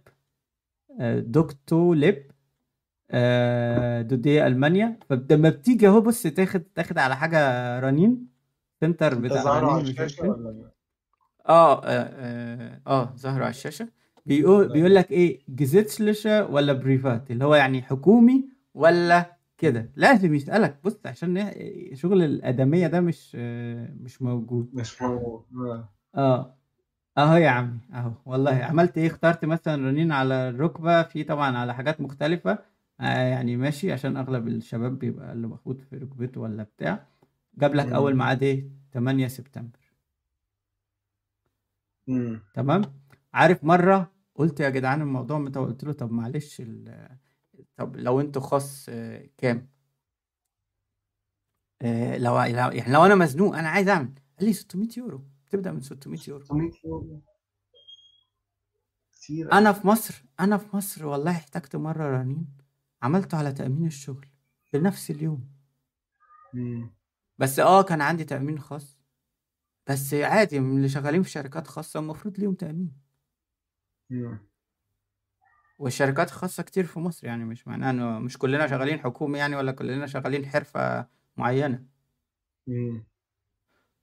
آه، ده غير إن الدكاترة حمير أنا مش أنا معلش هصدمك بقى الصدمة دي. هقول لك ليه بقى. هصدمك صدمة غريبة والله. بص الأخ اللي قاعد برضه يكتب معايا مصر نرد عليه. أنا آسف لو بعتك وعارف اللي بتقوله مهم جدا بس اللي عايز يسافر في حالتي ما يهموش الحاجة دي حاليا عشان كده الناس بتتم هجرة شرعية زي ما تيجي بس عايز حل أقدم بيه من غير خسائر في التقديم وشكرا. هو التقديم هيكلفك كام؟ قدم. بغض النظر إن, إن أنت معلش اسمع معانا لأن في في حاجات تانية. هو بيقول لك أعمل لي كشف حساب وأقدم بنفسي أنا تأشيرة فيها الأردن بس مش سياحة كانت عمل. آه، والله يا باشا لو أنت عايز ت- تسافر لك بلد أو اتنين كمان من اللي فيزاتهم سهلة في آسيا هند ال ال آه، ماليزيا تايلاند آه، إندونيسيا ولا معرفش إيه. ممكن عايز تزود فيز عندك. إيه آه، لا بس لا أنت هقول لك هقول آه. لك على حاجة أنا اسف قطعتك آه. آه، بروني عارف بروني طبعا. يا ريت والله الواحد يروح يعيش هناك يا عم يا يعني ريت. بروني دي أنا شايف إن هو يقدر بالمبلغ ده إنه يسافر بيها بروني. هي آه مش دولة أوروبية لكن من أغنى الدول المسلمة اللي موجودة تمام؟ آه، مفيش آه. حاجة اسمها ضرايب هناك zero ضرايب. ما آه بتدفعش ضرايب ولا ولا أنت كأنك سايح أو مواطن وتقدر تشتري مكان لو فتحت بيزنس هناك كمان ما بتدفع- بتدفعش عليه ضرايب خالص. يعني أنت أولا لو اشتغلت مفيش ضرايب بتدفعها. لو امم فتحت مشروع بعد فترة وجيت كبرت فلوسك مثلا فتحت مشروع ما تدفعش ضرايب نهائي لأن الدولة حرفيا غنية جدا جدا أغنى من دول كتير كمان في أوروبا. فاهمني؟ دي الوضع إزاي؟ دي فيزا عادية ما مش يعني أنت لو دخلت حتى على اليوتيوب شفت الناس اللي فيها إن إحنا حرفيا مسقطين دولة زي دي يعني كنز. طب وهو اللي يروح هناك ما يقدرش يدور على مسلمة في شغل؟ نفس الوقت مش هتلاقي بقى فيها موضوع شذوذ أو الكلام ده خالص. فاهمني؟ دي فال... فيزتها ف... إزاي؟ لا وينفع يروح آه يدور على شغل عادي طب إيه المشكلة في ده؟ إيه اللي منعه؟ إيه اللي, إيه اللي يمنع ناس كتير إنها تسافر؟ طب أنا أقول لك حاجة ال 180 ألف دول معلش ما يشترولكش فيزا في الخليج؟ فيزا حرة؟ مم. مش معلش مش يعني عارف هو لا مش معلوم بس الشير المفروض يعني يشتري طب ليه ليه ليه ليه هو قافلة معاه بأوروبا؟ ليه؟ إيه اللي شايفه فيها؟ دي نقطة آه دي هرجع لها عندنا كلنا إن هي آه إحنا إحنا اتغسل دماغنا يا باشا. إحنا شاي... من كتر الأفلام والمسلسلات والإعلام بقينا شايفينها كده. آه، يعني بقينا شايفينها أحسن والحقيقة إن هي مش أحسن. بس أنا عايز أكمل برضه في النقط ال- المصري ومزايا وعيوب. معاه آه، ماشي يا باشا. بص أنا كنت بقول إنه إنه إن إحنا يعني اتغسل لنا مخنا والأفلام والمسلسلات وال والإعلام واللي على النت كله بيبين لك إن هي الجنة فالناس موهومة بيها وشايفة إن هي أحسن حاجة في حين إنه معلش أنا أعرف بال بال بفلوس زي اللي معاه دي تم شراء فيزا عمل حرة في في دولة من دول الخليج تمام وراح اللي راح اشتغل وجاب مراته وعيل من عياله.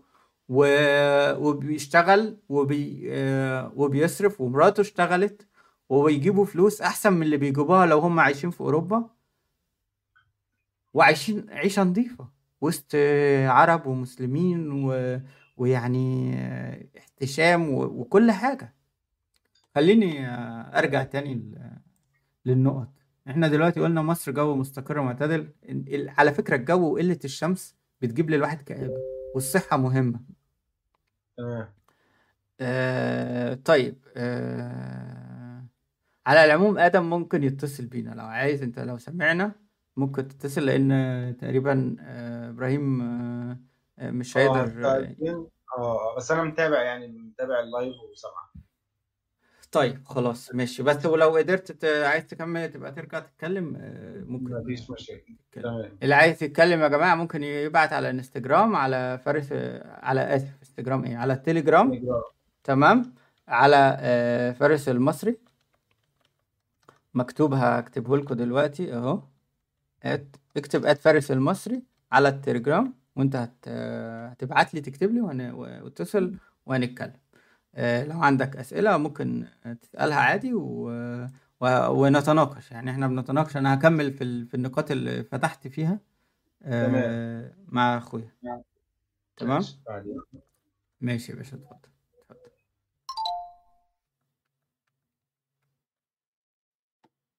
آه، بسم الله. طيب موضوع الصحة يعني أنا فهمت ال- الموضوع اللي والله ناس كتيرة مش عارفاه ومش مش مقتنعة بيه. آه، بس صدقني مفيش ناس بتشتكي من موضوع الصحة أكتر من مننا كأجانب وعرب وسيوف لما بنيجي نعيش هنا من اللي إحنا بنشوفه. يعني إحنا أنا أنا طب أنا أقول حاجة أنا في واحدة ألمانية كانت عايشة في أستراليا وواحد بولندي عايش في بولندا. الاتنين دول كانوا جايين بيشكروا في نظام الصحة هنا في ألمانيا. يقول لك أنا في بولندا الدنيا عندي أصعب. واللي في أستراليا كانت بتقول إحنا بنقعد بالشهور عشان ناخد ميعاد وعاملين تأمين حكومي وتأمين خاص عشان نعرف ناخد من هنا أو من هنا وكان بيطلع عينينا فأنا قلت لهم يعني أنتوا أنا بشتكي من ألمانيا وأنتوا نفس الموضوع اللي كنا بنتكلم فيه اللي أسوأ وأحسن. الظروف أنهي هنا أحسن ولا أسوأ والظروف هنا أحسن ولا أسوأ.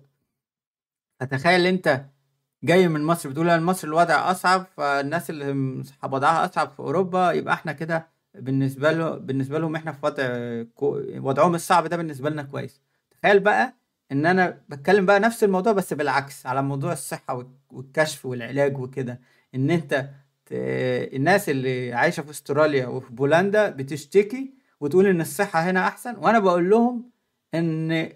فأنا في مصر كان التعامل الصحي وال... والعلاجات والمستشفيات كانت أحسن وأسهل ماشي ممكن تكون المستشفى مش بتلمع من النظافة الأرضية مش بتبرق آه، الممرضين مش دايما أحسن حاجة بس أنا أصلا جبت النقطة بتاعت ال آه، ال ال ال آه، إن أنت تاخد ميعاد وبتاع لا بس في نقطة تانية أخطر. هي ممكن ناس تضحك عليها بس هو خبرة الدكاترة.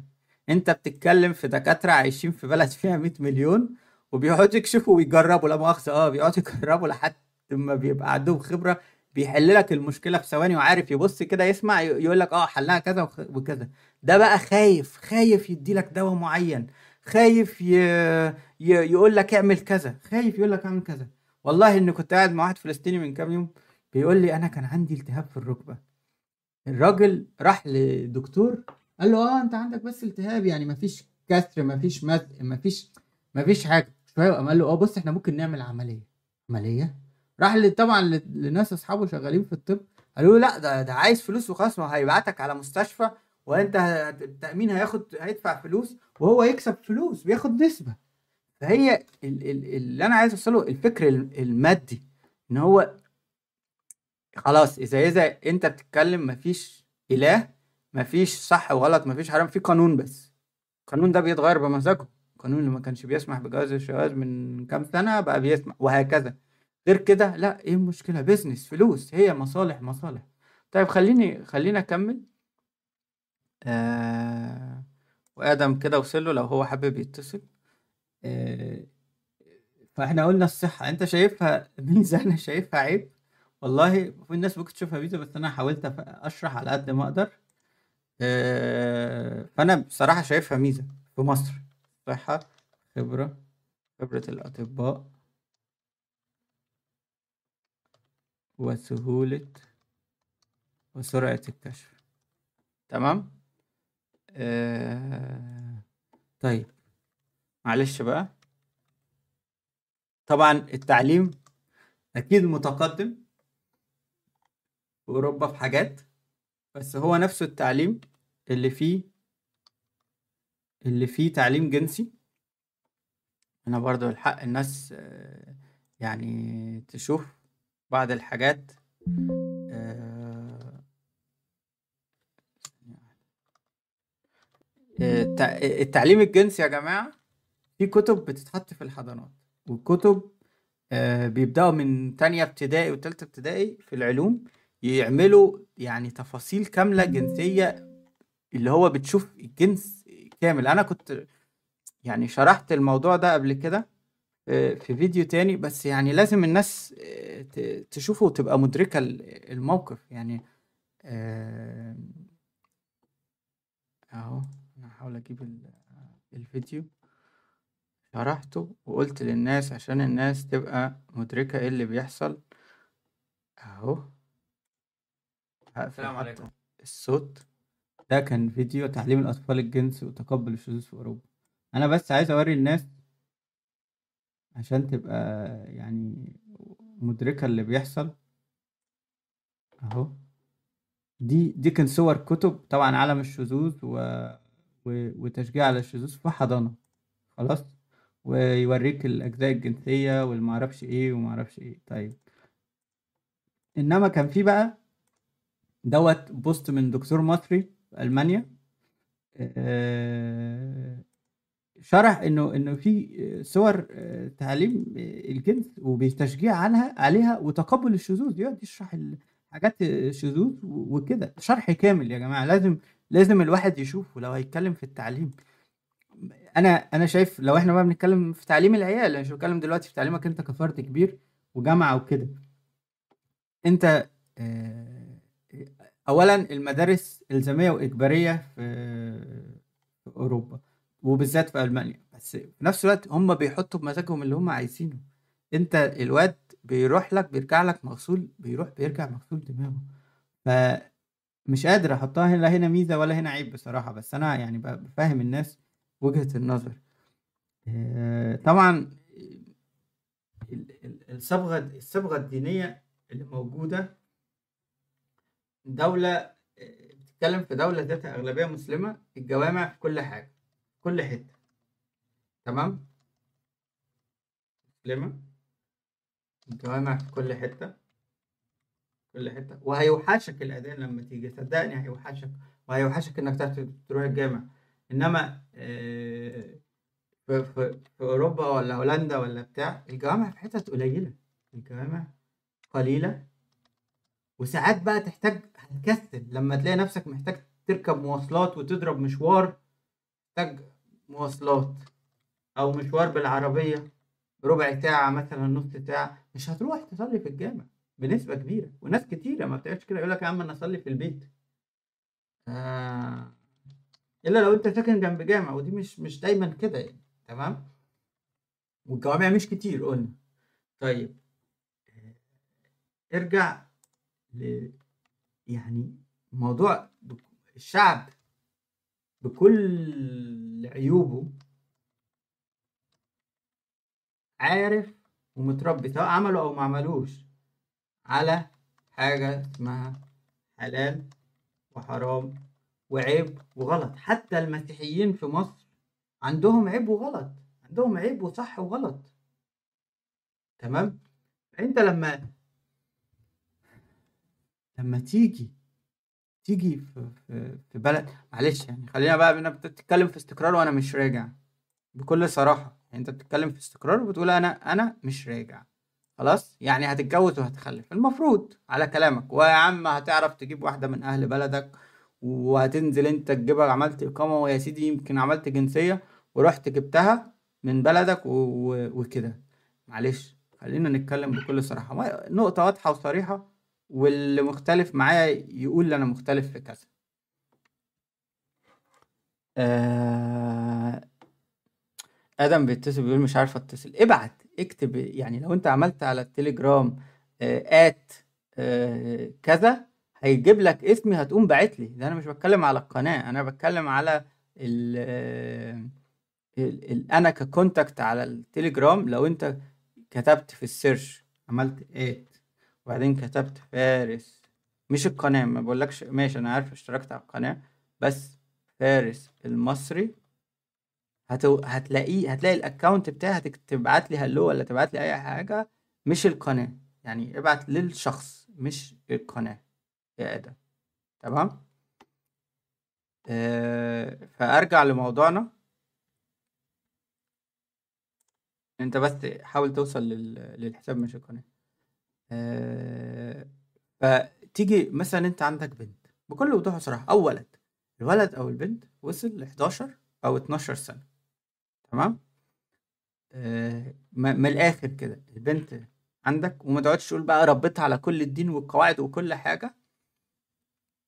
انت البنت تروح المدرسة كل البنات اللي حواليها في المدرسة والمدرسة غصب عنك آه، عادي بيروحوا بيتصاحبوا وعندهم ولاد وبيتباسوا ويتحضنوا وساعات لازم الولد يجي عندها البيت يبات عندها.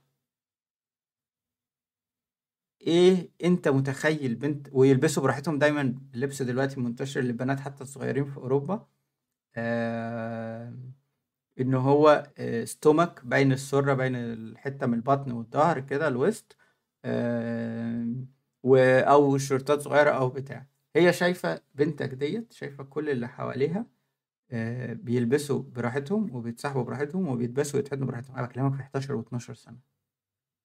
أنت هت هتعرف تمنعها إزاي؟ أنت شايفه إنك ظالمها شايفه إنك مقفل عليها شايفه إن هو ده العادي وإن هو ده الطبيعي. ليه أنت مش عادي؟ ليه أنت مش طبيعي؟ ليه أنت متزمت كده؟ ليه أنت متخلف؟ ليه أنت مش عايزها تصاحب وت- وتداس وتتحضن؟ كل الكلام ده؟ وتبيت عند صاحبها ولا تسافر معاه ولا تخرج معاه ولا تخرج في في خروجة معاه ولا سفرية يومين معاه؟ كل الكلام ده. ولما هتيجي تمنع هيقولوا عليك متخلف. وممكن يسحبوا العيل منك.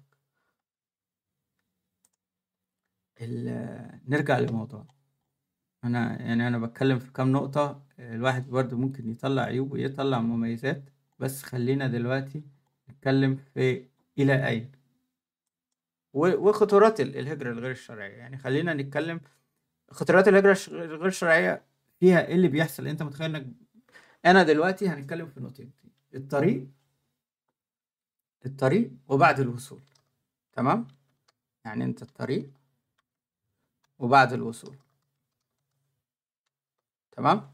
خلينا نتكلم في طريق المركب المركب ممكن تغرق ممكن تتمسك ممكن تترجم صح؟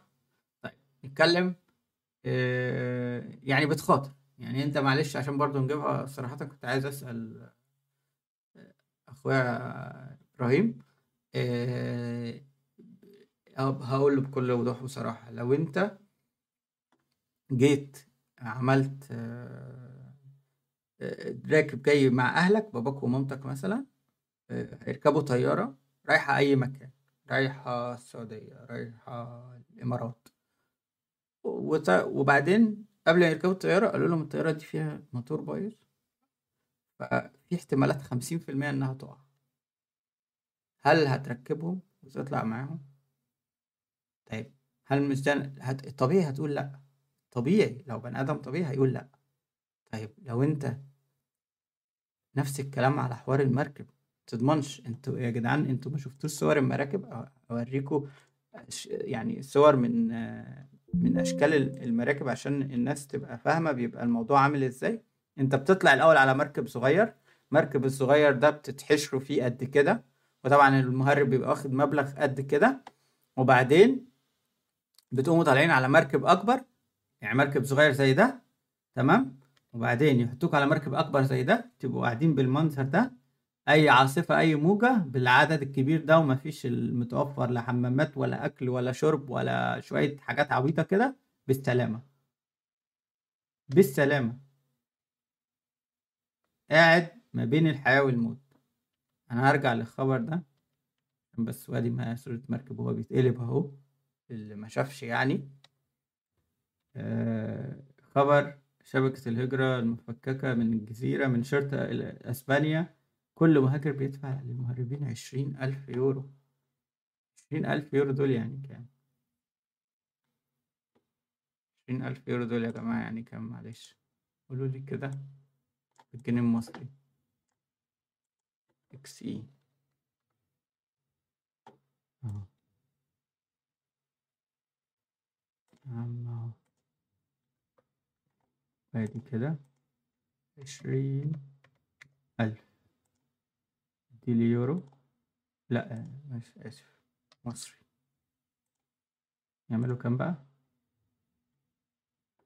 ستمية واحد وسبعين ألف. هو المفروض أكتر. خلينا بس ن- يعني هو المفروض تمنمية ألف بس خلينا نقول ستمية ألف. هما ستمية ألف دول أنت ما تعرفش تفتح بيهم مشروع في مصر. تعرفش تشتري بيهم فيزا البلد تطلع فيزا البلد من البلاد الغير أوروبية. وت...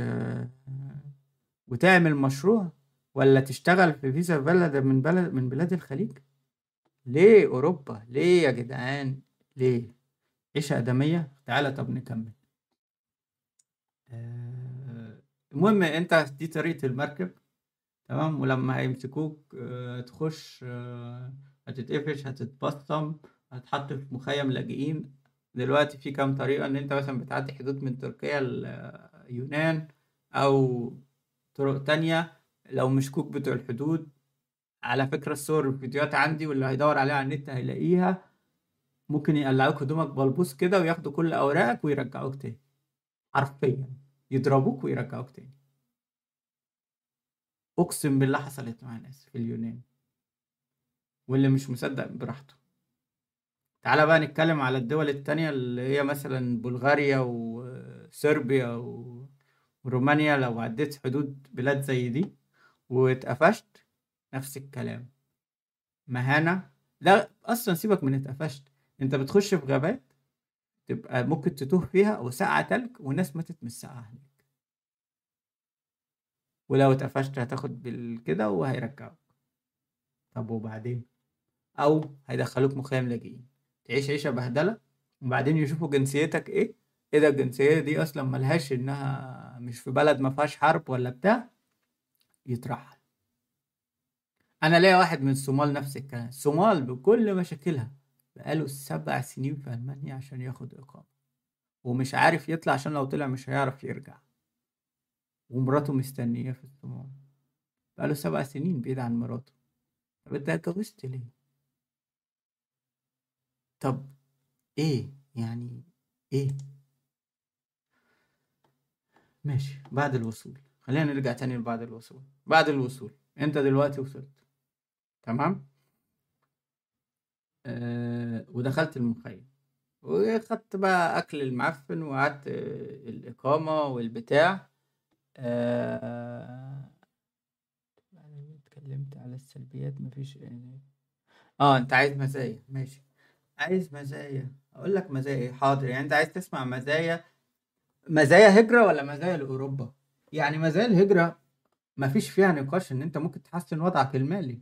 يعني معلش أنت دلوقتي واحد رحت الخليج بقيت بتقبض عملة أحسن وبقيت بتاخد فلوس أكتر. تمام؟ آه حو... قدرت تحوش منها تشتري بيت في بلدك أو كده. تمام؟ مثلا عايز تقول مزايا المزايا دي في بلاد كتيرة إن الطرق أنظف والعربيات أنظف وأحدث. وأرخص. ممكن في دول الخليج ممكن النظام الصحي يكون أفضل شوية رغم إن هو ماشي بدكاترة مصريين أصلا هم أشطر ناس. بس المهم يعني إن هم عندهم التكنولوجيا مع الدكاترة. مش زي أوروبا عندهم التكنولوجيا من غير الدكاترة أو من غير ال- اليد العاملة يعني أو العاملين والموظفين في المجال الصحي. ولا ما كانوش بيطلبوا بالعشر تلافات ألفات الممرضين في السنة في ألمانيا. فأنت ال- المزايا مزايا لفين؟ على حسب أنت ما نفتحش فتحة على ال... على على الكبير. يعني مزايا لفين؟ مزايا عايز تتكلم مزايا الهجرة؟ الهجرة طبعا فيها تحسين الوضع ما فيش فيها نقاش. ممكن تاكل أحسن. وتعمل فلوس أكتر وت يعني وفي مزايا ما فيش دي مش محتاج إن أنا أتكلم فيها يعني عايز قول لي قول لي بلد ونتكلم في مزاياها قول لي بلد معينة ونتكلم في مزاياها. خلينا أرجع لموضوعنا الهجرة إلى أين؟ أنت دلوقتي آه أنا آسف آه بعد الوصول. ف... وفي احتمال إن هم. يقعدوك بإقامة مؤقتة. أقسم بالله طب أنا في واحد مصري كان الإقامة بتاعته بتتجدد كل قال لي إيه؟ أقسم بالله اتنين وخميس حاجة كده. يعني مكتب ال- الأجانب يروح يدوا له ورقة كده يقولوا له دي كده إقامة مؤقتة وتعالى يوم الخميس. بعدها يعني كل يومين أو كل خمس أيام فاهم؟ آه ده ده ده من ضمن ال- اللي مر بيه. هو كان جاي تهريب يعني كان نزل على بلد في شرق أوروبا و- وقام آه، بدأ يتصرف يعدي الحدود لحد ما وصل آه فتاني المهم نرجع. عمل إيه بعد ال... بعد ال... بعد الوصول؟ تقعد لك ممكن تقعد سنة سنتين مش مسموح لك بالعمل. قاعد يعني عيشة شحاتة وشغل غير قانوني والشغل غير قانوني فيه شوية فلوس والشغل ال- اللي هو آه، فيه شوية فلوس دي يعني برضو بتكفيك على القد بالظبط. لحد ما يسمحوا لك بإقامة. وعشان تاخد الإقامة بقى المفروض تتعلم لغة وتظبط نفسك عشان تعمل كده. وبعدين لو عدت لكم الناس اللي بقالها سنين آه، عدى عليهم أنا واحد بقاله 11 سنة قاعد معايا امبارح بيقول لي أنا بقى سني هو هو سافر في العشرينات. أنا سني 36 سنة عملت إيه؟ أنا عملت أنا ما عملتش حاجة. في ناس عملت آه في ناس عملت. في ناس يا عمي أنا هقول لك حاجة في ناس حوشت وعملت آه، فلوس. بس في ناس كتيرة برضو الفلوس على القد. لأن الناس مش فاهمة الموضوع إن, إن أنت مصاريف كتير. أنت بت... أنت بتبص لها إن أنا بعمل باليورو في أوروبا فأنا كده ده مبلغ كبير في مصر. ومش باصص لها إنك بتدفع إيجار عمرك ما هتدفعه ولا بتدفعه في مصر. إنك بتدفع تأمين صحي عمرك ما بتدفعه ولا هتدفعه في مصر. فما تقارنش. انت لما تكون بتدفع شقة تلات أوض تلات أوض يعني مش تلات أوض نوم إن هما ما بيقولوهاش كده هما بيحسبوا الصالة. يعني من الآخر كده لو أنت أسرة شقة أوضة أوضة نوم ليك أوضة نوم للعيال وصالة. خلاص؟ بألف ومتين يورو. ما تضرب يا عم وتشوف الرقم ده كام. يعني حاجة وأربعين ألف جنيه في الشهر وشقة عادية واخدها على البي... على ال... على ال... مش مفروشة واخدها على البياض كده بتبيضها وأنت اللي تملاها. اتكلم اتصل بيا اتصل بيا عايز تتكلم نتكلم في مزايا وتحدد بلد ونتكلم في مزايا ماشي. بس أنا نقطتي الهجرة إلى أين؟ هي بقى اللي نرجع لها. إحنا اتكلمنا في تطوير إيه الايه ليه ليه هو التفكير؟ أنا عايز حد يا عم اتصل بيا قول لي ليه أوروبا؟ أنا عايز اتصل لو سمحت ابعت لي يا عم اكتب لي التليجرام بتاعك وأنا هبعت لك يا عم.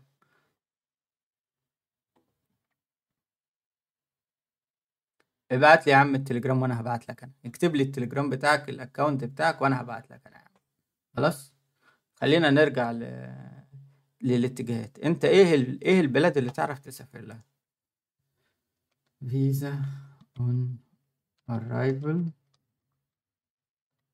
for Egyptian إيه كمصري بباسبور مصري تعرف تروح فين. كتب لك عشر بلاد. كتب لك استنى. آه.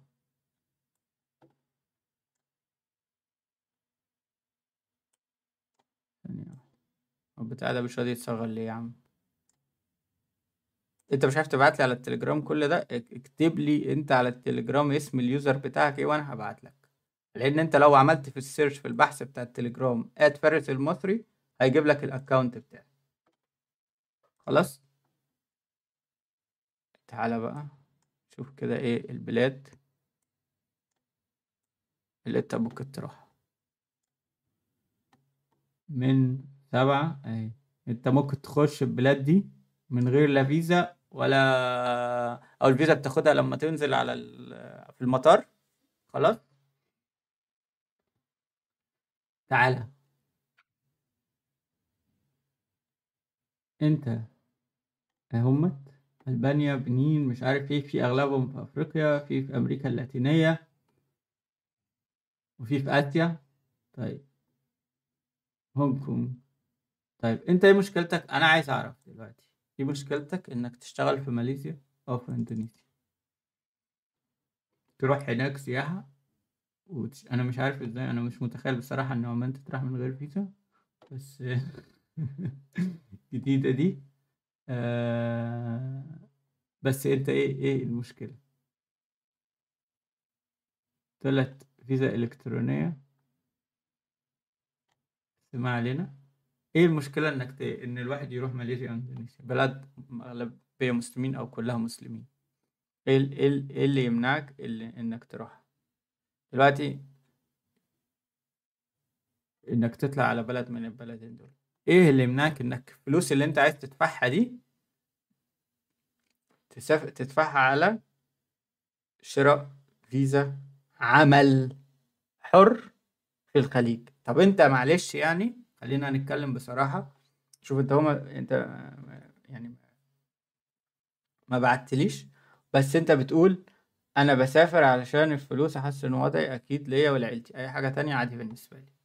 حلو. هو بغض النظر ان هو الوضع مش هيتحسن بالشكل اللي انت متخيله لو في أوروبا بس أنا بسألك مية وتمانين ألف جنيه هل انت شفت فيزا في دولة من الدول الخليج عمل حر انت الفيزا دي هتبقى فيزا شنجن سياحة يعني بعد وما وممكن تبقى مضروبة ومش مضروبة. هتدفع 180 ألف جنيه تمام؟ تاخد بيهم فيزا مضر بلاش مضروبة فيزا سياحة. خلينا نتكلم بوضوح بصراحة. فيزا سياحة. وتيجي من فيزا السياحة ديت آه، تكسرها وتتسجن ولا تتحبس ولا تهرب ولا تبقى عايش كده ومش عارف أصلا. ما هو أنت معلش أنت فيزا السياحة المكسورة دي لا إقامة ولا تصريح بالعمل. يعني انت هتكسرها ومش مسموح لك بالعمل. هتبقى مش عارف تشتغل. ولا الفلوس دي تدفعها. تاخد فيها فيزا حرة في السعودية ولا في قطر ولا في الامارات ولا في, في أي مكان وتقوم آه تشتغل بيها. وعلى الأقل مسموح لك تشتغل. حتى لو انت هي فيزا حرة يعني معناها إن انت كأنك شغال مع شركة معينة بس انت بقى هتدور انت على شغلانة. واشتغلت. ومحدش عمل لك مشاكل لأنك قاعد قانوني في البلد. كأنك بتشتغل بس أنت بقى بتشوف شغلانة أنت تاني حرة. ليه أخاطر وأعمل كده؟ ليه أكسر الفيزا وأقعد أشتغل من تحت لتحت؟ مش عارف أصلا آخد إيجار. ولو أجرت مش هعرف أسجل إن أنا مأجر. السكن في العنوان ده لأن معيش إقامة. فيزا سياحة. أنت هتدفع 180 ألف جنيه في فيزا سياحة. أسبوعين ثلاث أسابيع مدتها. اتكسرت انتهى وحتى وأنت واخدها وقاعد في الأيام الثلاث أسابيع دول أنت مش مسموح لك إنك تشتغل بيها. ليه ما تاخدش فيزا حرة؟ يا جدعان أنا ممكن أحكي كتير بس اللي أنا عايز أقوله أنت آه، فيستك اللي أنت بت... ال... الهجرة إحنا مش ضدها. يا عم هاجر. هاجر. هاجر عشان تحسن حالك. هاجر عشان تحسن وضعك.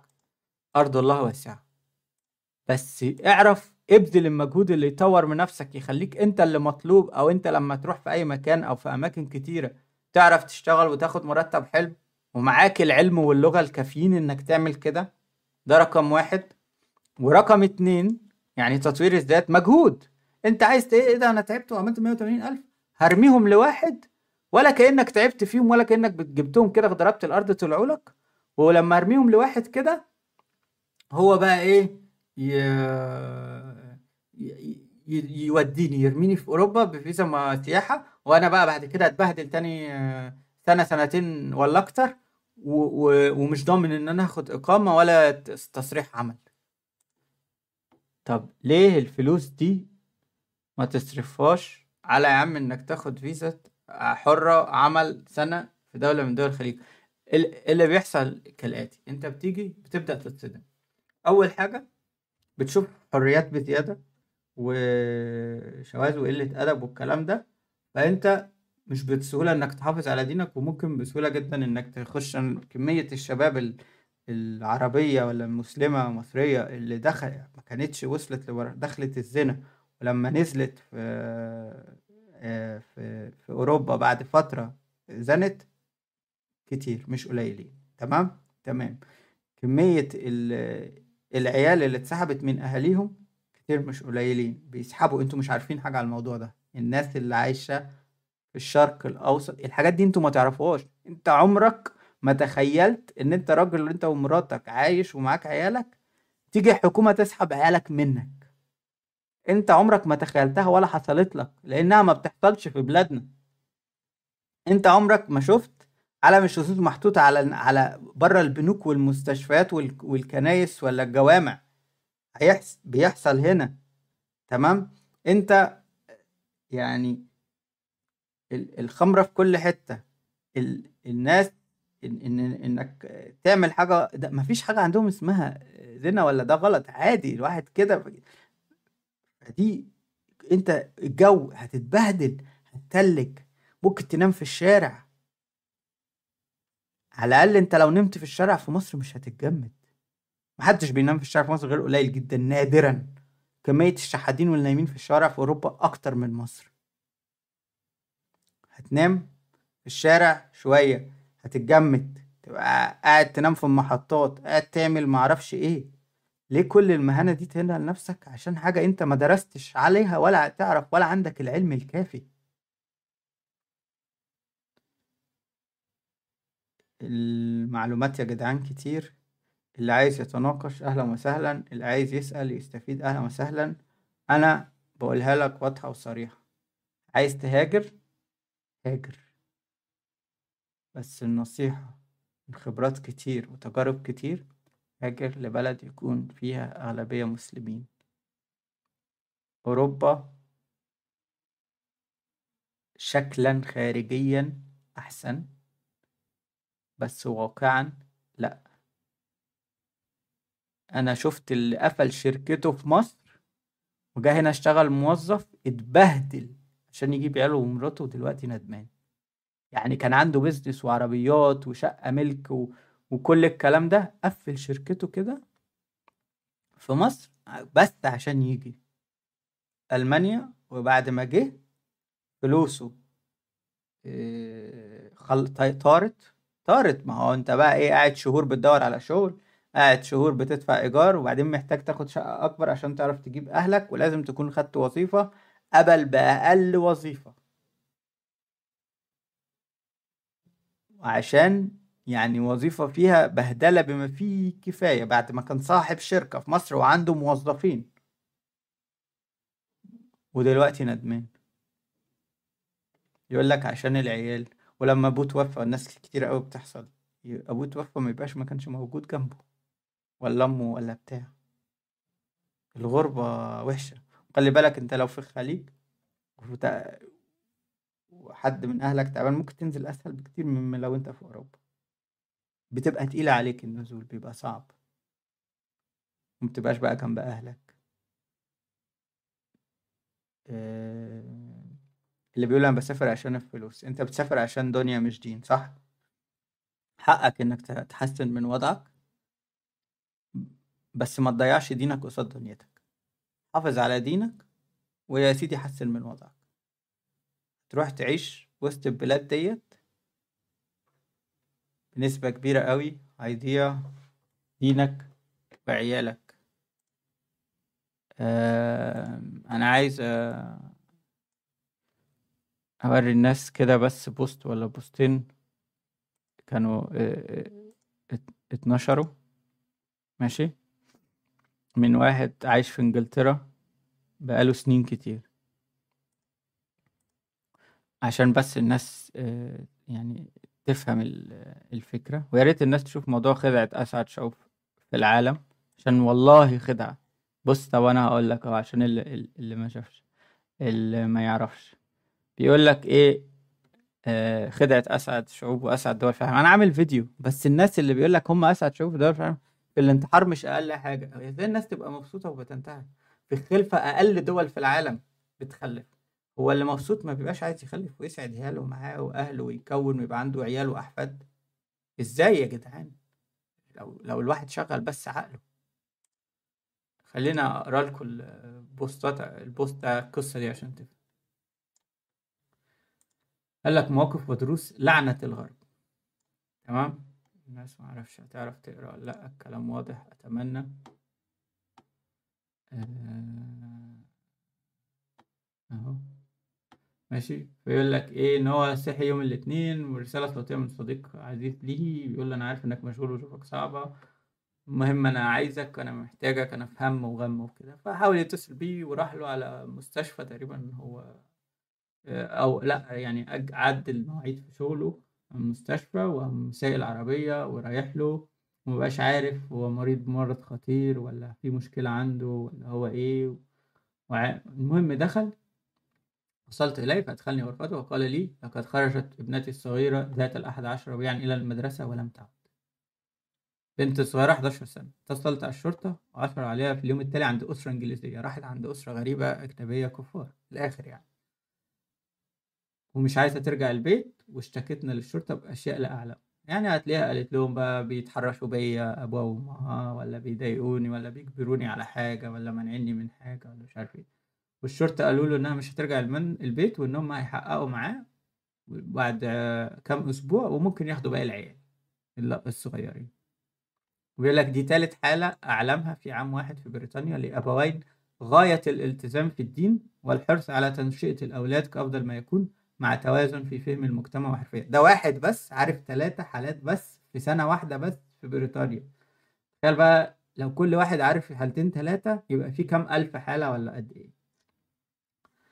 في التعامل مع الأولاد لكن ضغط المجتمع أكبر من حساباتنا وأقوى تأثيرا على البعض من الآخر باختلاف الشخصيات. آه، إن الغرب يفهم طبعا الكلام كتير بس اللي أنا مش هقرأ على الصفحة اللي عايز. إن الغرب يفهم جيدا أن قوة المسلمين الأولى في تماسك أسرهم وفي دينهم فإن صعب النفاذ إلى الدين يسهل الدخول إلى كليهما من باب الأسرة. إن محاولات الآباء فرض دين أو ممارسة أو حتى عادات اجتماعية على الأطفال تقابل بمواجهة حادة من السلطات إن أجندة كل دولة غربية تسعى سلطتها لتنفيذها فإذا كان الشذوذ ملعونا في المجر وروسيا ومالطا فهو مشرم وممنوع. بينما لو كان الشذوذ منهجا وطريقة حياة في بريطانيا وفرنسا والسويد ومعلش بعد لي كل الدول بقى الغربية أوروبا الغربية فإن كل السلطات التعليمية والإعلامية والشرطة ومنظمات المجتمع المدني تسعى لفرضه فرضا من خلال كل الوسائل. تمام؟ آه دي قصة منهم اللي عايز يقراها يكملها بس هو بيحكي قصص مختلفة. كان حاجة قصة أصعب من شوية. آه أنا والله شكله نزل بوست جديد. بس كان قال لك أنا عايز أطلق مراتي. واحد اتصل بيه صديق لي بيقول عايز أطلق مراتي. قال له ليه؟ قال له بعد عشرين سنة جواز وأولاد كتير. قال له آه أصلها قلعت الحجاب. قال له أنا متعجب يعني مراتك ملتزمة وكانت آه، بتدرس العلوم الإسلامية ومش عارف إيه فأنصحك إنك آه، يعني تهدى كده وبتاع. فلقاها بقى إيه خلاص مغسولة دماغها. الكلام ده ما كانش هيحصل بسهولة لو هي في مصر أو في دولة متحوطة بالمسلمين بس هي كل اللي محوطين بيها مش لابسين حجاب. مسلمين كتير في أوروبا مش لابسين حجاب. فبقت شايفة إنه مش فريضة. وشايفة برضو إن طاعة الزوج قال لها ماشي. قال لها لو بسبب ضغط المجتمع يلا ناخد ولادنا ونرجع بلدنا أو أي بلد مسلم تحبيه. قالت له دول دول متخلفة وأولادي يخسروا التعليم الراقي قال لها الدين أهم وما عند الله خير وأبقى. قالت هو إحنا كفرنا ولا إيه؟ والله الناس هنا أحسن من المسلمين في بلادنا نفس التفكير العقيم من واحدة بقالها 20 سنة عايشة وسطهم وهي دينها بيروح منها. قلت لها طيب رأي مشايخك صحيح؟ بفرض كده يعني أنا جوزك وبرفضه وانت المفروض تطيعيني قدام ربنا. طلعت حتى الطاعة دي مش فاهماها وشايفة إنها غلط وإن المشايخ قالوا دي مبالغة ومش من شروطها ولا واجبات الزواج طاعه الزوج. وهكذا. تمام؟ طب خلاص سيبك م... وصل لآخره معاها. لا طب سيبك من الدين حبا ليا. بتحبيني؟ ف قالت له أنا عملت لك كتير حبا ليك فانت بقى سيبني أنا أعمل كده حبا ليك. قال لها كده انت زوجة ناشز وأنا بريء امام الله من فعلك. قالت والله أنا قريت مقال لمفتي مصر الحالي تقدر تطلع عليه إن المرأة لا تعد ناشز إذا رفضت الانصياع لرغبة زوجها في لبس الحجاب. بس نقاشات عقيمة. طيب هو لو طلق بناته كمان خلي بالكم لو عايزين يقلعوا الحجاب وقلعوا ولو طلق مراته هتاخد نص اللي اللي معاه ونص رت- مرتبه ونص معاشه بعد التقاعد. قال لك المال ما يهمنيش. بس وجودي في البيت وجودك في البيت هو صمام الأمان عشان ما ينزلوش أكتر وأكتر. هيسيبوا الصلاة مش عارف إيه. قال لك أنا بعاني أنا شايف عيالي قلع الحجاب قدامهم وبيخرجوا بدأوا يلبسوا لبس قصير قدامي مش قادر أعمل حاجة. وحتى فكرة إنه يهرب ببناته لبلده آه، مش م... البنات برضو مخها اتغسل. مش هيقبلوا بالموضوع ده. وممكن مراته تبلغ عنه ويتمسك البنات ويرجعوا. ده اللي بيعاني فيه ناس كتير وانتوا ناس مش دارية. أنا مش فأنا هكتفي بهذا. والله كان نفسي يبقى فيه حوارات أكتر والناس تكون استفادت أكتر. آه، حاولت أتكلم على قد ما أقدر. آه، قديم حلمي. بيقول أنا شغال في الأردن بقالي 13 سنة في المهنة الحرفية شغلانة موت وحط تحتي 100 خط. أنا باخد كام يوميا؟ حوالي 30 دولار يوميا بس بدفع ضمان. إجباري بدفع سكن عالي بدفع إقامة سنوية 1400 دولار. باشا عايز تت- يعني عايز تبعت لي رقمك ولا الاكونت بتاعك على التليجرام أبعت لك عليه؟ أهلا وسهلا. بس أنا م- يعني اللي أنت اللي أنت بتقوله ده بيحصل أكتر منه. أنت ممكن تقبض معلش يعني في أوروبا مرتبك يبقى مكتوب ألفين ونص وفي الآخر تاخد ألف وسبعمية صافي. تمام؟ والألف وسبعمية الصافي دولت رايح منهم قد كده على مصاريفك. ما انت لو دفعت إيجار 500 600 ماشي في ودفعت أكل وشرب 200 300 ودفعت مش عارف لإيه ودفعت لإيه ولا بعت لأهلك شوية فلوس نفس القصة.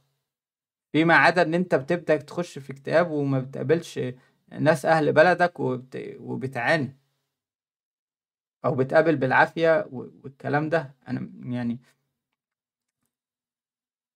شغال في الأردن خلاص والدنيا مش ماشية يعني مش عارف تحوش فلوس. عايز تنقل بلد تانية؟ ماشي انقل بلد تانية. بس هي انت متخيل إيه بقى؟ هتروح هناك هيرشوا عليك الفلوس قد كده؟ هتلاقي الفلوس يعني رايح جاي فاكر ان انت هتروح تشتغل اي شغلانة هيقوموا بقى إيه تلاقي ألافات اليوروهات نازلة عليك تبقى تبقى موهوم. يعني اشتغلنا والله اشتغلنا وجبنا عربية وعملنا ورحنا وجينا بس الواحد خايف يخلف عيال ويربي عيال ناس كتيرة كده. واللي يربي عيال بيشوفهم بيضيعوا منه انت مش مدرك. آه وخلاص والدين بيروح. كمية الاستسهال بقى تبدأ الدين يقعد يسترسب منك شوية بشوية. وفي ناس بتلتزم بزيادة بس اللي بتلتزم بزيادة دي بتكون يعني مش طايقة عيشتها. واللي أسلموا الأوروبيين اللي أسلموا عن جد بي بيسيبوا بيهربوا من أوروبا. وهم دي جنسيتهم وبلدهم وبيروحوا على بلاد يكون فيها مسلمين. الفرنساويين اللي هربوا على موريتانيا هتلاقيهم. الألمان اللي هربوا على مصر موجودين. والله. والمغرب. مهم. أتمنى الناس تكون استفادت. والله أنا لو كنت عايز أقضي الموضوع مكالمات أكتر عشان الناس تسأل أسئلة مباشرة وأرد ردود مباشرة لو عايزين إن شاء الله نعمل يعني حلقة يعني حلقة تانية بس خلينا نختصر الموضوع دلوقتي في إنه طور ذاتك طور ذاتك طور ذاتك. طور نفسك بطرق مختلفة. وده ممكن نعمل له حلقات مخصوصة اللي هو جسديا ونفسيا ويعني علميا وكده تعلم لغات. خلي عندك المهارات اللي تخليك مطلوب. وبعدين روح بلد وانت حاطط رجل على رجل. ويفضل تكون بلد مسلمين.